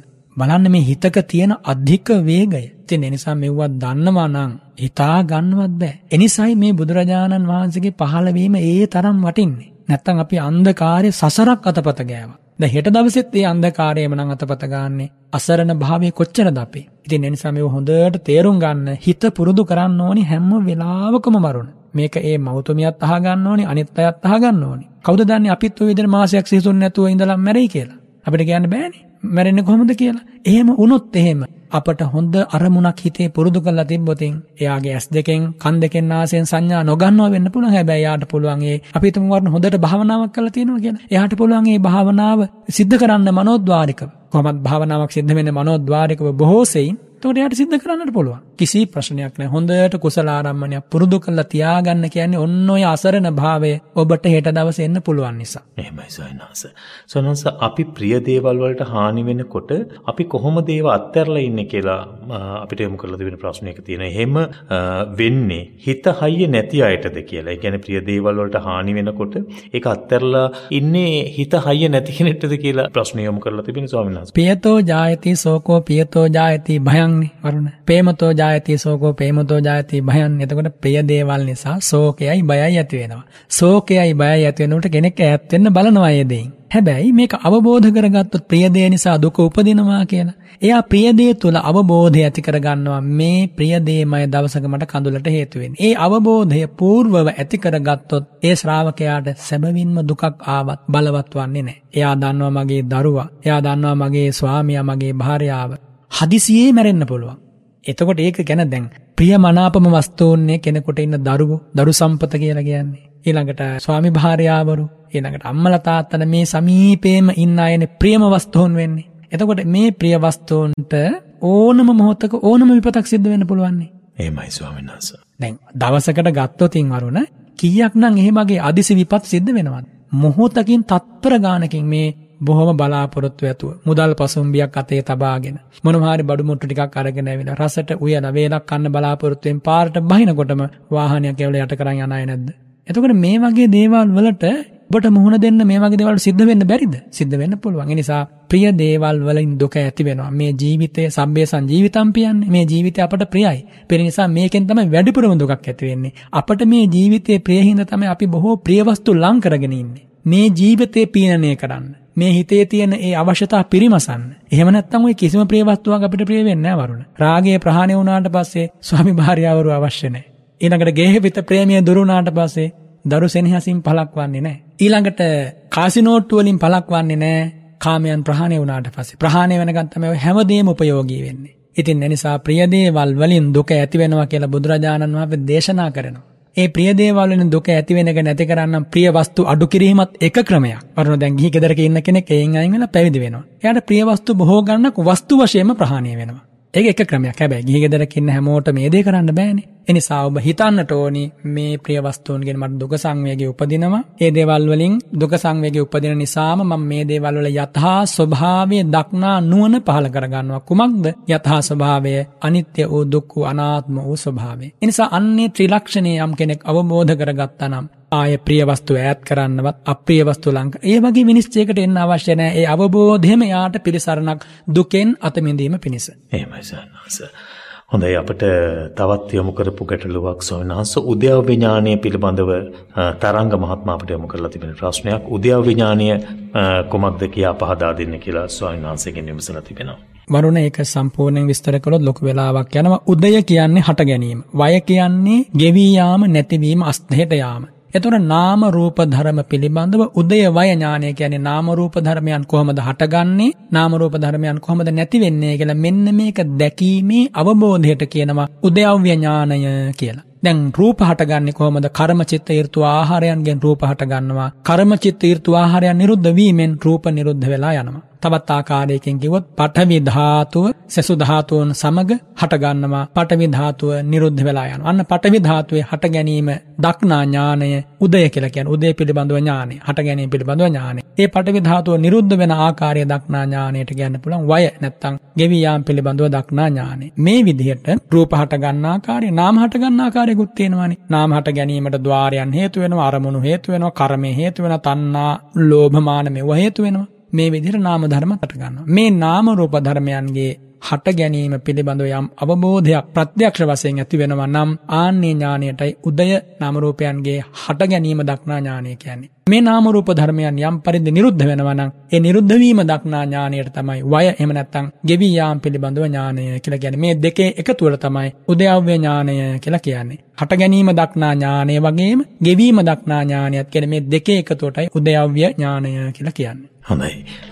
අපිට අද දවස තුලදී මෛත්‍රී භාවනාව සම්බන්ධව ඔබ වහන්සේ බොහොම හරවත් වූ දේශනාවක් සිදු කළ ස්වාමීන් වහන්සේ දැන් මෛත්‍රී භාවනාවේදී අනිකුත් භාවනාවන් සිදු කරනවා හා සමානව අපි යම් යම් භාවනාවලදී සඳහා විවිධ ක්‍රමවේද තිබෙනවා. ඒ කියන්නේ ස්වාමීන් වහන්සේ භාවනාවට අපි ඉඳ ගන්න ආකාරය නැත්නම් භාවනාවට සූදානම් වන ආකාරයට ඍජු කයක් පවත්වා ගන්නවා. මේ වගේ විවිධ ස්වභාවයන් තිබෙනවා භාවනාව සඳහා යොදා ගන්න. මේ මෛත්‍රී භාවනාවේදී ස්වාමීන් වහන්සේ එහෙම යම් ආකාරයක් තිබෙනවාද සිදු කළ යුතු සිටිය යුතු ආකාරයක් තිබෙනවාද ඒ සඳහා වේලාවක් කැමැති වේලාවක භාවනාව කිසිදු කලට ගැටලුවක් නැද්ද එහෙම නැතිනම් මෛත්‍රී භාවනාව වැඩෙන විශේෂ වූ අවස්ථාවක් තිබෙනවාද තමන්ගේ හිතේ වරුණ ආනාපාන සති භාවනාව හැර සෙසු භාවනාවන්ට විශේෂ ඉරියව්වක් භාග්‍යවතුන් වහන්සේ විසින් වදාරලා නැහැ. ආනාපාන සති භාවනාවට තමයි උජුං කායම් පනිදාය කියන ඒ ශ්‍රී මුඛ දේශනාව වදාලේ. ඉතින් එතනදී ඒ ආනාපාන සති ඉරියව්ව සෙසු සියලු භාවනාවන්ට සුදුසුයි වරුණ. ඒ වගේම සෙසු ඉරියව් ඒ කියන්නේ සක්මන් කරමින් ඊළඟට වාඩි වෙලා හිටගෙන සෙසු ඉරියව් වලදීත් භාවනා කරන්නට පුළුවන්. නමුත් දැන් මෛත්‍රී භාවනාව වගේ දෙයක් මුලින් මුලින් පුරුදු වෙද්දි වරුණ. කලබලකාරී පසුබිමෙන් ඈත් වෙලා ගත නිසොල්මන්ව යම් ඉරියව්වක තබාගෙන පුටුවක හෝ බිම වාඩි වෙලා ඒ දේ කරන්න පුළුවන් නම් ඉක්මනින්ම ඵල ලැබෙනවා. අර සෙසු කටයුතු වල යෙදී යෙදී විසිරෙන සිතක් එක් කටයුතු කරන්න ගියොත් මෛත්‍රිය වැඩෙන්නේ නැහැ. එනිසා මා ඔබට මේ මෛත්‍රී භාවනා පිළිබඳව ලබා දුන් මුල්ම ඒ උපදේශ මාලාව ඇතුළත් දේශනාව හොඳට ශ්‍රවණය කරලා නැවත ඊළඟ සුමානේ දේශනාව එනකම්ම ඒ කියපු කොටස පුරුදු කරන්න. ඒක පුරුදු කරද්දි විශේෂයෙන් උදේ කාලේ අවදි වෙච්ච ගමන්ම සුදුසුයි. සුදුසුයි කියන්නේ නිදාගෙන අවදි වෙච්ච වෙලාව බොහොම සිත පහන් වෙච්ච වෙලාවක්නේ. කලබලකාරී බව අයින් වෙලා. හැබැයි ඇඳේ ඉඳගෙනම නෙමෙයි ඇඳෙන් ඒ නැගිටලා මූණ සෝදාගෙන ගත පිරිසුදු කරගෙන මම මේ දේශනාව තුළ යම් ක්‍රමයක් දේශනා කළා. ඒ විදිහට බුද්ධ වන්දනාවක් කරලා සීලය පිරිසුදු කරගෙන අදිෂ්ඨාන සීලීව පුටුවක හෝ බිම වාඩි වෙලා කොන්ද මොකකටවත් හේතු කරන්නේ නැතිව කොන්ද ඍජුව තබාගෙන මේ භාවනාවේ මුලින් යෙදෙන්න. එහෙම ටික ටික ඉස්සරහට යනකොට අපට පුළුවන් ඒ ඕනම ඉරියව්වකට සරිලන ලෙස ඒ භාවනාව කොහොමද ප්‍රගුණ කරන්නේ කියන මේ කාරණය තේරුම් ගන්නට. එනිසා මුලින් ලබා දුන් ඒ උපදේශ මාලාව නොපිරිහෙලා ඔබ පුරුදු කරන්න මේ මගේ පුද්ගලික ඉගැන්වීමක් නෙමේ වරුණ මේ පාරිශුද්ධ ධර්මය තුල තියෙන එදා මෙදා රහතන් වහන්සේලා පුරුදු කරලා මෛත්‍රී ධ්‍යාන උපදවාගෙන ඒ විදර්ශනාවට නංවලා මගඵල නිවනින් සැනහී ගත්ත ධර්මයක්මයි ඒ විදිහට ඔබට කියා දුන්නේ. හොඳයි මං හිතන්නේ මේ වර්ෂ අවසානයේ ව්‍යවහාර වර්ෂය තුල 2021 වර්ෂයට තව දින කිහිපයයි තිබෙන්නේ. ඉතින් මේ සමහර විතන් ඉන්නවා අලුත් අවුරුද්දට අපි කොහොමද සූදානම් වෙන්නේ කියලා. මං හිතන්නේ අලුත් අවුරුද්ද කෙසේ වෙතත් අපි සූදානම් විය යුතු හොඳම ක්‍රමය තමයි අපේ ගෞරවනීය දේශකයන්න් වහන්සේ මේ වර්ෂය අවසාන වෙනකොට ඔබට සමීප කළේ. දැන් ඔබ මේ මොහොතේ ඉඳලා අලුත් අවුරුද්ද වෙනුවෙන් වගේම ජීවිතේට සූදානම් වෙන්න ජීවිතයේ ලැබිච්ච මේ මහා වාග්ය අපතේ යවන්න නැතුව මා එය හරවත් දෙයකට යොමු කරන ඒ සඳහායි මේ උත්සාහය කියලා දැඩි වීරයක් ඇති කරගන්න. ඒ වීරියත් සමග මේ දේශනාව ධර්ම සාකච්ඡාව ශ්‍රවණය කරලා දැන් එළඹෙන මොහොතේ ඔබ අර අපේ ගෞරවනීය දේශකයන්න් වහන්සේ ස්වාමීන් වහන්සේ සිහිපත් කළා වගේ කලබලෙන් නැගිටින්න ඕනේ නැහැ. ඔය ඉන්න තැනම අපේ ගෞරවනීය හාමුදුරන් වහන්සේ සිහිපත් කළ ආකාරයට ටික වේලාවක් හෝ මේ භාවනාවේ යෙදීමට යොමු වෙනවා නම් මම හිතන්නේ මේ 2021 ලබන්නට තිබෙන දින 15කට ආසන්න මේ කාලය තුල හොඳ ප්‍රතිඵලයක් Tamanගේ හිතේ වෙනසක් ඔබට අද්දුටුවේ ප්‍රත්‍යක්ෂයි. ඒ අනිවාර්යයෙන්ම ඔබේ ජීවිතේ ලං වේවි, දැනේවි, තදින් දැනේවි. ඒ සඳහා යොමු වෙන්නට ආරාධනා කරමින් අද ඉරිදා සිට්නෙත් අසුපුවෙන් අපට සමුගන්න කාල වේලාව උදා වෙලා බෙලිහුල්ලොය සීල සමාහිත ආරණ්‍ය සේනාසන වාසී පූජනීය බලංගොඩ රාධ ස්වාමීන් වහන්සේ මෛත්‍රී භාවනාව සම්බන්ධවයි අද පළමු දේශනාව ආරම්භ කළේ උන්වහන්සේ සිහිපත් කළ ආකාරයට ඉදිරි වැඩසටහන්වලදී මෛත්‍රිය තවත් හොඳින් ප්‍රගුණ කරන්නට ඒ සඳහා විදර්ශනාවක් බවට පත් කරගන්නට අපට උන්වහන්සේ අනුශාසනා සිදු කරાવી මගහසර කියා දේවිය. නිසා එහි නිමග්න වන්නට ඔබට ශක්තිය ධෛර්යය ඇති වේවා. ඒ උතුම් ධර්මයේ පිහිටන්නට අපේ සිත් යොමු කරවන්නට උන්වහන්සේ නිරන්තරයෙන්ම අසීමිත උත්සාහයක යෙදෙනවා. ඉතින් මේ කුසල ශක්තිය අපේ හාමුදුරන් වහන්සේට ගරු ස්වාමීන් වහන්සේට නිදුක් නිරෝගී භාවය වගේ මුතුම් වූ ධර්ම අවබෝධය පිණිස පිණසම හේතු වේවා කියලා බොහෝම සත්සිතින් ගෞරවයෙන් අපි ප්‍රාර්ථනා කරනවා ස්වාමීන් වහන්සේ. සාදු සාදු සාදු මම අනුමෝදන් වෙනවා පින්වත් වරුණ net fm කාර්ය මණ්ඩලයේ හැම දෙනාම අතිපූජනීය මහා සංඝරත්නය ඇතුළු ශ්‍රාවක පින්වත් සිළු දෙනාටම නිදුක් නිරෝගී සුව පිරි. මෛත්‍රියෙන් සිසිල් වූ හදවතක ඇති මිහිර විඳ ගන්නට මේ උතුම් ධර්මානුශාසනාව සාකච්ඡාව හේතු වේවා කියලා ප්‍රාර්ථනා කරනවා ආශිර්වාද කරනවා. සාදු සාදු සාදු. ඒ ගෞරවනීය ආශිර්වාදයත් සමගින් අද ඉරිදා සිත්නේ දසපුයින් අපි සමුගනිමු. ලබන සතියේ සුපුරුදු විදිහටම මෛත්‍රී භාවනාව සම්බන්ධව තවත් තවත් වැදගත් වූ වටිනා වූ ධර්ම කොටාශයක් ශ්‍රවණය කරන්නට ඔබට ඉඩ අවකාශ ලැබෙන සඳහා net ශ්‍රවණය කරන්නට සිත්නේ දසපුව අහන්නට ඔබට ආරාධනා කරමින් ජීවිතයේ යහපත් බලාපොරොත්තු ඉෂ්ට සිද්ධ වන ධර්මයට ඔබ යොමු වන සතියක් බවට මේ සතියපත් වේවායි කියා ප්‍රාර්ථනා කරනවා. හැම දිනාටම තෙරුවන් සරණ ප්‍රාර්ථනා කරනවා.